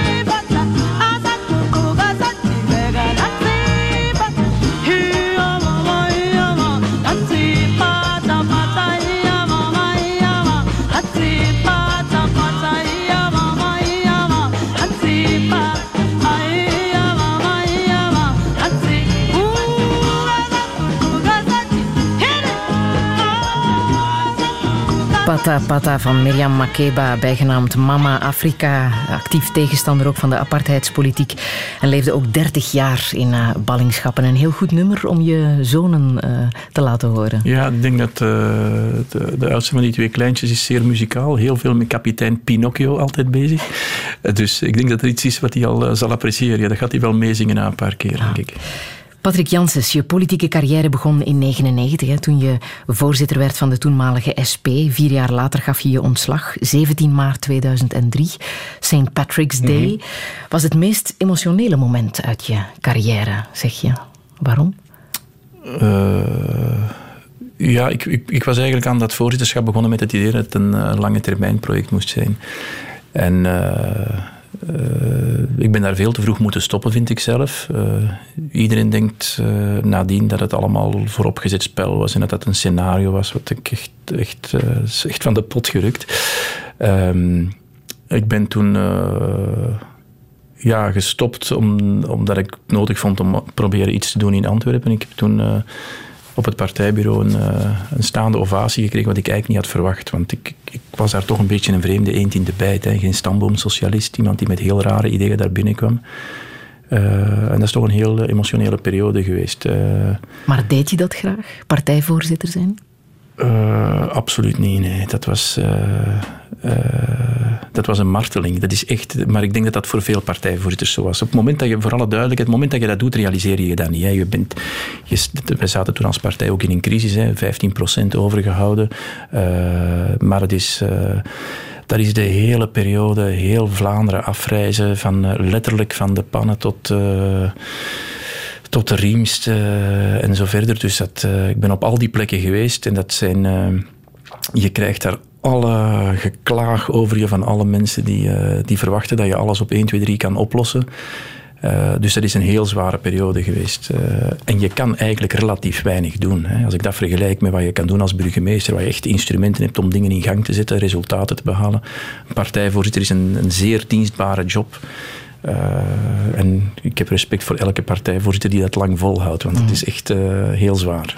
Je hebt een paar bijzondere overgangen gemaakt al in je leven. Hè? Van uh, de reclamesector mm. naar de politiek, nu van de politiek naar de academische wereld. Maar toch kan ik niet zeggen dat je uit de politiek stapt, want je bent nog altijd Vlaams parlementslid. Mm. Met welke ambitie trek je daar nog altijd naartoe, naar het Vlaams parlement? Nou, om daar het werk ook af te maken. En uh, ik vind ook niet dat je zo'n dingen moet, moet laten steken. Uh, dat zou anders zijn als, stel dat ik nu, indien ik ontslag zou nemen, dat daar een uh, jonge opvolger zou binnenkomen. Stel dat ik zeg maar wat, dat Jasmin Kerbach dan zou kunnen binnenkomen, dan, dan zou dat anders zijn. Maar ik vind dat ik dat moet afmaken. ik vind het ook wel interessant om dat toch allemaal wat van, van nabij nog te volgen en te kijken hoe dan dat theater weer verloopt. Um, maar dat is, dat is dikwijls heel voorspelbaar. Hè. Als je, maar als alleen je maar ochtends... om te kijken of ook om iets te doen? Nou, ik, achter de schermen zal ik daar af en toe mensen wat raad geven en, uh, en zeggen wat ik denk. Maar ik vind niet dat het aan mij is om nu de hoge viool te spelen in het Vlaams parlement. Uh, ik ben daar nooit heel erg actief geweest op de, op de bühne. Uh, als burgemeester had ik daar ook de tijd niet voor. En ik vond het ook heel onverstandig om daar regeringsleden het leven zuur te maken of, of te interpelleren. Je moet met hen proberen samen te werken om dan nu na een burgemeesterschap uh, de hele tijd ministers te interpelleren en, en, te couilloneren, want dat is het dan heel dikwijls. Ik zie daar de zin niet van in. Ik denk niet dat, het, dat dat verstandig zou zijn om te doen. Je blijft er zitten tot mei volgend jaar, tot de mm -hmm. moeder der verkiezingen. Wat dan? Wel, er is niet uitgemaakt, maar uh, ik, ik, denk dat op dat moment mijn, uh, mijn politieke leven wel zal eindigen. Ik ben niet iemand die, die. Echt? Ik denk dat wel, ja. Ik denk dat wel. Ik kan niet in de toekomst kijken. Ik sluit niet uit dat ik uh, op, een, op een steunende manier nog aan die verkiezingen deelneem. als ik daar goede argumenten voor krijg, als ik, als ik me kan vinden in de mensen die daar op dat moment de verantwoordelijkheid overnemen. De mensen die nu in Antwerpen de zaken ook hebben overgenomen ik blijf daar heel veel waardering voor hebben. Ik heb er graag mee samengewerkt. Uh, Jasmin Kerbach is nog mee gelanceerd bij de laatste verkiezingen. Ik, ik vind wel dat ik die mensen moet proberen te helpen als ik dat kan. Maar federaal of Europees? Nee, dat denk ik niet. Uh, ik denk niet dat... Uh, ik denk het niet, nee. het is nog altijd met ik denk ervoor. Het ja, is nee, nog maar je altijd moet, niet zeker. Ja, nee, maar je, je kan niet in de toekomst kijken, maar ik ben daar, ik ben daar niet van plan. Uh, maar ik, ik, ik, vind dat je moet opletten met daar over dat soort dingen absolute uitspraken te doen. Maar het is absoluut niet mijn intentie op dit ogenblik om om nog een belangrijke rol in de Belgische of de Vlaamse politiek te spelen. Ik denk Heb dat je nog niet... contact met uh, partijgenoten? Ja, uiteraard. Uh, maar dat is niet, niet, erg, uh, niet erg frequent. In het Vlaams parlement uiteraard elke week. Mm -hmm. En verder, laat ons zeggen, ik ben op afroep beschikbaar. Hè. Dat betekent, ik word wel eens gebeld. Dat is dan meer om uh, uitleg te geven bij een dossier, om te zeggen hoe iets ooit tot stand is gekomen, wat de technische Er materie... wordt nog niet gepraat over volgend jaar? Uh, nee, nee, nee. Geloof ik niet. Nee, nee, het is zo. Het is echt zo. Ja? Nee, nee, het is echt zo. Ik bedoel, dat, dat betekent toch in ieder geval dat, dat ook anderen mij geen prominente rol toebedelen volgend jaar. Hè? Want anders zou er waarschijnlijk al wel gepraat zijn. Maar was jij heel eerlijk een politiek beest? Wel, het hangt er vanaf hoe je dat definieert. Ik ben, ik ben altijd in politiek geïnteresseerd geweest. Dat zal ik trouwens ook blijven. Ik vind politiek iets bijzonder belangrijk. Maar waar ik niet van hou, is van de sfeer in de politiek, waarbij er heel veel energie gaat naar het laten mislukken van andere mensen. Politiek is een heel competitief vak. Daar moeten we niet flauw over doen. Dat is, dat is zoals topsport. Er kan, er kan maar één de grootste zijn, er kan maar één winnen. Als er iemand wint, verliest er altijd iemand anders. En zeker in ons model van, van coalities betekent dat je ook moet samenwerken met je concurrenten. Dus als je in een coalitie zit, de Vlaamse regering, SPA, CD&V, N-VA, dat zijn onderling concurrenten. Dat was in Antwerpen ook zo met de ploeg die ik geleid heb. Dat zijn onderling concurrenten. Ja, als je niet oplet, daar zit zoveel dynamiek in waarbij je heel de tijd elkaar probeert te laten mislukken. Uh, in plaats van, van te zoeken naar manieren om dan die concurrenten te laten samenwerken aan een gemeenschappelijk doel. Dat is wat politiek zou moeten zijn als het nobel gevoerd wordt. En dat kan ook wel, maar het is toch iets te veel de uitzondering. Ik vind dat er in de politiek te veel energie gaat naar het laten mislukken van dingen en naar het gevecht om het gevecht. En dat vind ik niet interessant. In die zin ben ik misschien. Uh, geen, uh, geen ras-echte politicus. Ik herinner mij een moment bijvoorbeeld, dat is een van de eerste vergaderingen waar ik zat, waar op een bepaald moment ik een standpunt verdedigde. Iemand kwam met een argument en ik toen zegde van ja, eigenlijk heb je gelijk, uh, ik ben het ermee eens. En nadien werd ik daarop aangesproken en iemand zei mij, je hebt wel snel uw bocht gemaakt. Ik maar, die man had een argument, die had gelijk. Dus dat was de eerste les in de politiek. Geef niet toe dat je ongelijk hebt. Je blijft vasthouden aan je standpunt. Als je iets gezegd hebt, moet je je gelijk krijgen ja, ik, ik kom eigenlijk uit, uh, uit de academische wereld. Daar ben ik zes jaar begonnen. Daar is het omgekeerd. Je gaat vooruit door inzichten van iemand anders te integreren in je eigen ideeën. Dus, uh, dus dat, dat blijf ik moeilijk vinden aan de politiek. Hè. Je, ah. Dus ik ben, ik ben niet iemand die, uh, die zegt, aangezien ik lid ben van die partij, is alles wat die partij zegt altijd in ten eeuwige dagen goed. En daar is ergens ooit eens een evangelie geschreven waar het allemaal in staat. Zo zit ik niet in elkaar. Want een socialistisch beest, dat ben je misschien ook niet altijd geweest. Hè? Wel, het hangt er vanaf wat je daarmee bedoelt. Ik ben, ik ben altijd heel erg gemotiveerd geweest door uh, het idee van dat mensen elkaar evenwaardig zijn, gelijk zijn. Daarmee bedoel ik niet in de fysieke of de mentale betekenis, maar wel in hun rechten en in wat de mogelijkheden moeten zijn die ze krijgen. Dat drijft mij enorm. Dat is ook waarom ik bij Herman de Leek mij zo goed thuis voelde. Ongelijkheid was waar we mee bezig waren op de, op de universiteit. Maar ik ben niet het soort socialist die vindt dat de staat alles moet doen, uh, dat iedereen lid moet zijn van de partij en uh, op één mei de rode vlag moet buiten hangen om, om recht van spreken te hebben. Dus uh, ik kom niet uit dat soort nest en ik heb respect voor mensen die daar anders over denken, maar ja, ik, ik, uh, ik, hou toch wel iets meer van, de, van het vrije initiatief dan misschien de traditionele socialist dat doet. Hoe belangrijk is geld voor jou persoonlijk? Laat ons zeggen dat het makkelijk is, maar ik heb nooit een beslissing in mijn leven gemaakt uh, omwille van het geld. Ik denk dat ik. Uh, ik denk dat ik heel veel geld heb laten liggen door in de politiek te stappen. Ook al denkt elke Vlaming daar helemaal anders over. Want men gaat ervan uit dat politici alleen maar zakkenvullers zijn. Maar uh, het is natuurlijk aangenamer om meer geld te verdienen dan minder geld, maar als dat mijn drijfveer was, had ik beter in de privésector gebleven. Ah. En nu, als je gaat doctoreren, was dat een uh, financieel een goede beslissing? Absoluut niet.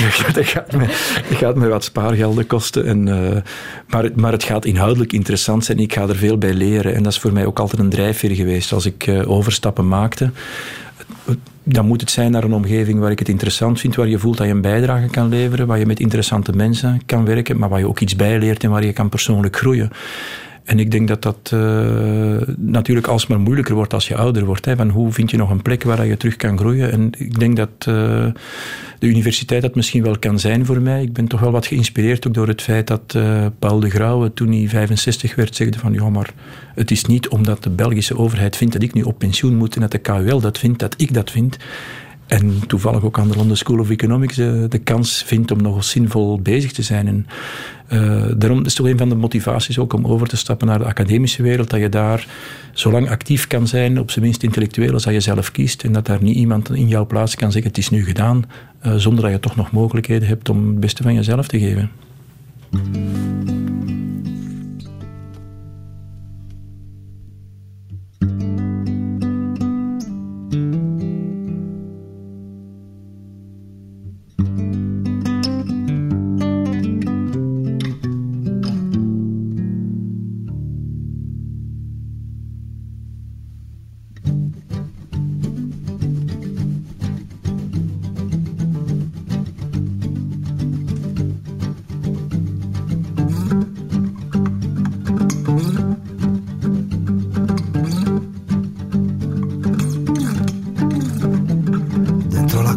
questo torrente così limpida e veloce scenderò. Fino a quando la mia montagna, fino a dove questa montagna si farà pianura. Molto lontano da questo cielo così vicino che lo puoi toccare.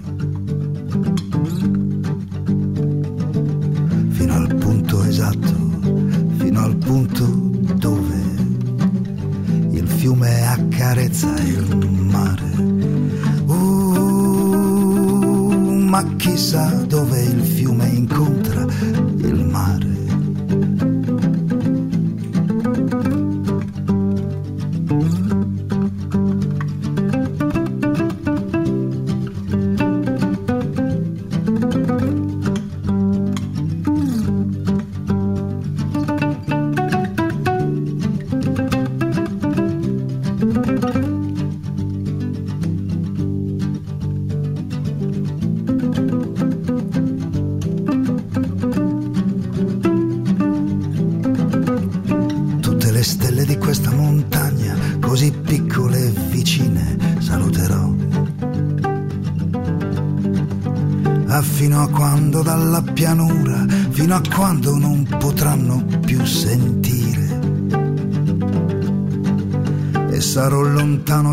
questo cielo, ma così lontano da non poterci tornare.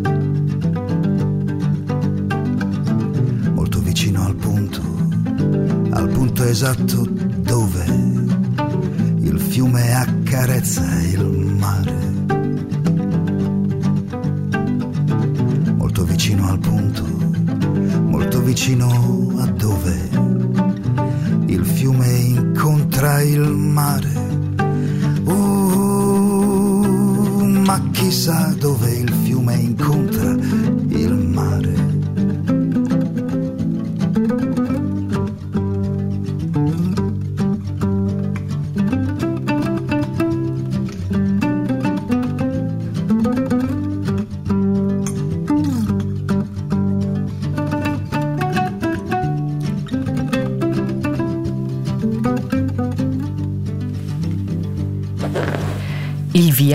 Van Gian Maria Testa, de Italiaanse treinconducteur die muzikant is geworden. Gaat het deze zomer naar Italië? Uh, wellicht niet, deze zomer niet. Nee, dat is zeggen... een grote uitzondering op de regel. Ja, een uitzondering niet. Laat ons zeggen dat de ongeschreven regel is één keer op drie ongeveer. Op drie vakanties of op drie jaar? Nee, nee, op drie vakanties. Hè, ja. Dus uh, ja, ik heb een, een, ja, een, een, grote liefde, mag je wel zeggen, voor Italië. Maar dan uh, dat is heel toevallig gekomen. Ik ben op een bepaald moment uh, heb ik mij als student ingeschreven bij de bouworde om uh, bouwkampen te gaan doen. Mm -hmm. En het mhm. heeft mij de ongelooflijke kans gegeven om een aantal weken tussen de Italianen te leven. En dat was mijn eerste ervaring in Italië. Veel meer dan het soort traditionele reisje dat je, dat je anders maakt. Ik heb er ook wat Italiaans opgepikt en zo. Ik heb ja, ik, ik hou echt van, van Italië en van de sfeer, de cultuur daar, de manier waarop de mensen met elkaar omgaan. Mhm. Iets minder van de Italiaanse politiek. Maar eh, en, en er zijn zoveel mooie verborgen plekken die, eh, ja, die buiten de platgetreden paden zijn, er, waar ik toch wel van kan genieten. En zover dat je ondertussen ook Italiaans spreekt. Hè? Ja, maar met, eh, met veel haar op. Hè. Dus grammaticaal niet correct. Ik heb een uitgebreide woordenschat, maar de vervoegingen zijn niet altijd wat ze zouden moeten zijn. En Italiaans koken? Ook dat, ja, maar ook niet altijd zoals het zou moeten zijn. Ik, ben, eh, ik, kook graag, ik- maar ik, ik ben eigenlijk nog een betere eter van eh, de Italiaanse keuken dan een kok. Ja. En dat als eh, zoon van een slager zou je denken, dat moet toch goed gaan in de keuken? Nee? Ja, maar het lukt ook wel. Maar ik ben daar. ik ben, kijk, ondertussen weet iedereen dat ik bevriend met Jeanne Bervoets ben. En hij Dus kookt beter. Ja, is echt een fantastische kok. En dan, ja, dan word je wel bescheiden van je eigen pogingen. Dus, maar, eh, dus wij zijn, een, wij zijn een, een heel complementaire vriendschap. Jeanne kan heel goed koken, ik kan heel goed eten. Je weet wat je de volgende jaren gaat doen, hè? werken aan dat doctoraat. Hoe anders zal dat zijn dan ja, met hetzelfde thema bezig zijn in een politieke context? Wel, wat vooral anders zal zijn, is dat het een, eh, een eenzame, introverte bezigheid is. En ik moet ook in alle eerlijkheid toegeven dat dat een groot vraagteken is of, me- of me dat zal lukken. Hè. Discipline. Ja, voilà. Dus ik, ik ben sinds mijn 29 geef ik leiding aan groepen mensen. En die groepen zijn alsmaar groter geworden. Hè. En op het einde in Antwerpen waren dat meer dan 20.000 mensen. En dat betekent dat je... je de deadlines stapelen zich op. Hè. En je, de stress is er altijd. En je, en je moet dan dat hele proces sturen. Rekening houden met al die externe deadlines. Ehm, in een doctoraat is er maar één deadline. Dat is binnen drie of binnen vier of binnen vijf jaar, afhankelijk van wat je jezelf stelt. Ik heb mezelf drie jaar gegeven. Dus dat betekent dat je heel goed moet plannen, maar vooral dat je de discipline in jezelf moet vinden om die planning te respecteren. En ik heb wat dat betreft geen goede reputatie. Oei. Eh, dus eh, mensen die mij goed kennen zeggen van... "Hmm, toch niet Ja? evident voor jou. Dus Ah. ik weet dat ik daar zal, zal ik erg hard moeten aan werken. En heb je je al georganiseerd? Want je gaat het doen vanuit Antwerpen. Ja, je reist een paar keer eh, op en af naar Ja, Londen. dus eh, ja, dat is, dat is eh, ik denk dat de organisatie daar rond ongeveer klaar is. Ik heb ongeveer een zicht ook op wat ik wanneer zal, zal moeten klaar hebben. Maar nog eens, het zal veel discipline vragen. En, en wat vooral moeilijk zal zijn, is ik, ik eh, ben gewend geweest om altijd in groepen mensen te werken en daar een leidinggevende rol in te spelen. Wat ik echt mis zijn de mensen waar ik zoveel mee gewerkt heb. Ik heb een fantastische ploeg in Antwerpen gehad. Eh, denk ik vooral aan, aan mijn kabinetsmedewerkers, ook aan, de, aan veel mensen in de administratie. maar je In- gaat niet de- meer kunnen delegeren. dus je gaat voilà, het dus zelf ja. moeten doen, meneer Dus ik zou, Janssens. ik zou een fantastisch doctoraat kunnen maken als ik eh, tien assistenten had, maar dat, dat is me niet gegund in dit geval. ja.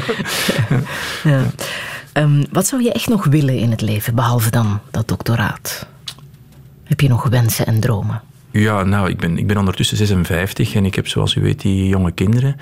Eh, ik zou die toch graag eh, nog lang zien opgroeien. Ik zou die toch... eh, ik zou die willen zien 30 worden op zijn minst. Dus eh, dan heb ik nog wel een tijdje te gaan. Dus daar, daar wil ik toch wel van genieten. Ik wil, dat, ik wil ook meer met dat schilderen kunnen doen. Ik wil, eh, eigenlijk zat het... eh, het is nu niet helemaal gelopen zoals ik gehoopt had. Hè, maar ik, in mijn hoofd zou ik veel liever nog zes of twaalf jaar burgemeester geweest zijn. En me dan eigenlijk alleen met dat schilderen bezig houden hebben als, als laat ons zeggen, dagelijkse bezigheid. Goed, ik kan het ondertussen onvoldoende goed om dat vandaag te doen.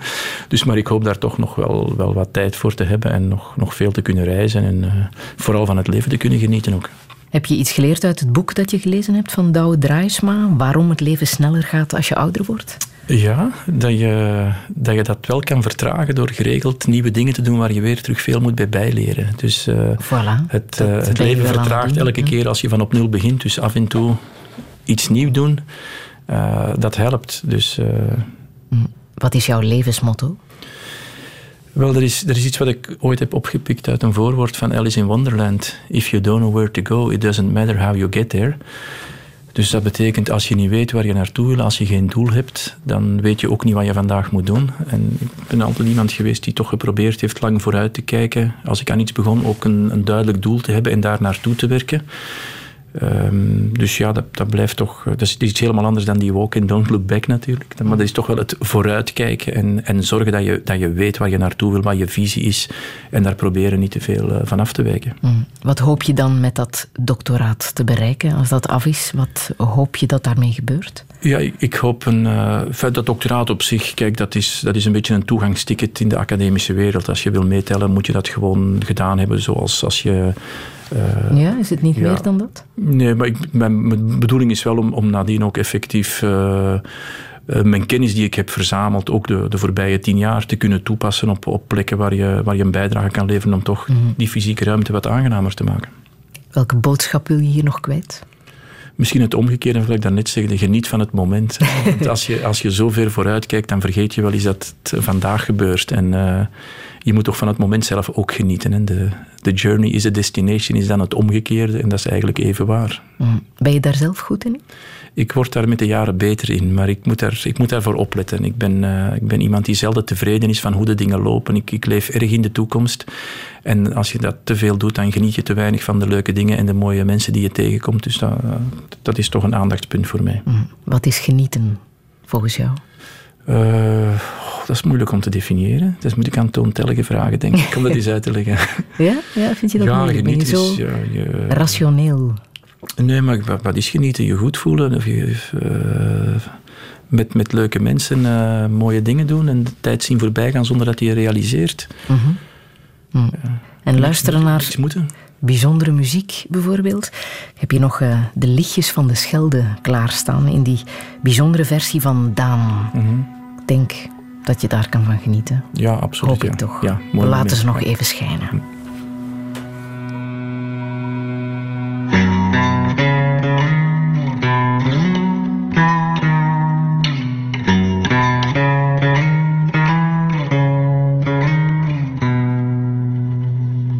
De tijd zit erop en we waren weer thuis. Het duurt nog maar weken. Een paar keer op wacht en dan kom ik naar huis. Dan zullen we elkander weer spreken.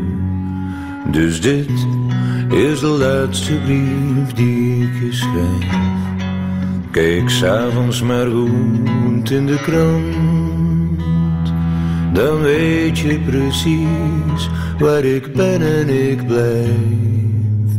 Totdat ik weer terugkom in het land. Zie ik de lichtjes van de schelde, dan gaat mijn hart wat sneller slaan. Ik weet dat jij op mij zult wachten en dat je aan de kei zult staan. Zie ik de lichtjes van de schelde, is ik in je ogen kijk, die zo heel veel liefs vertellen. Dan ben ik als een prins zo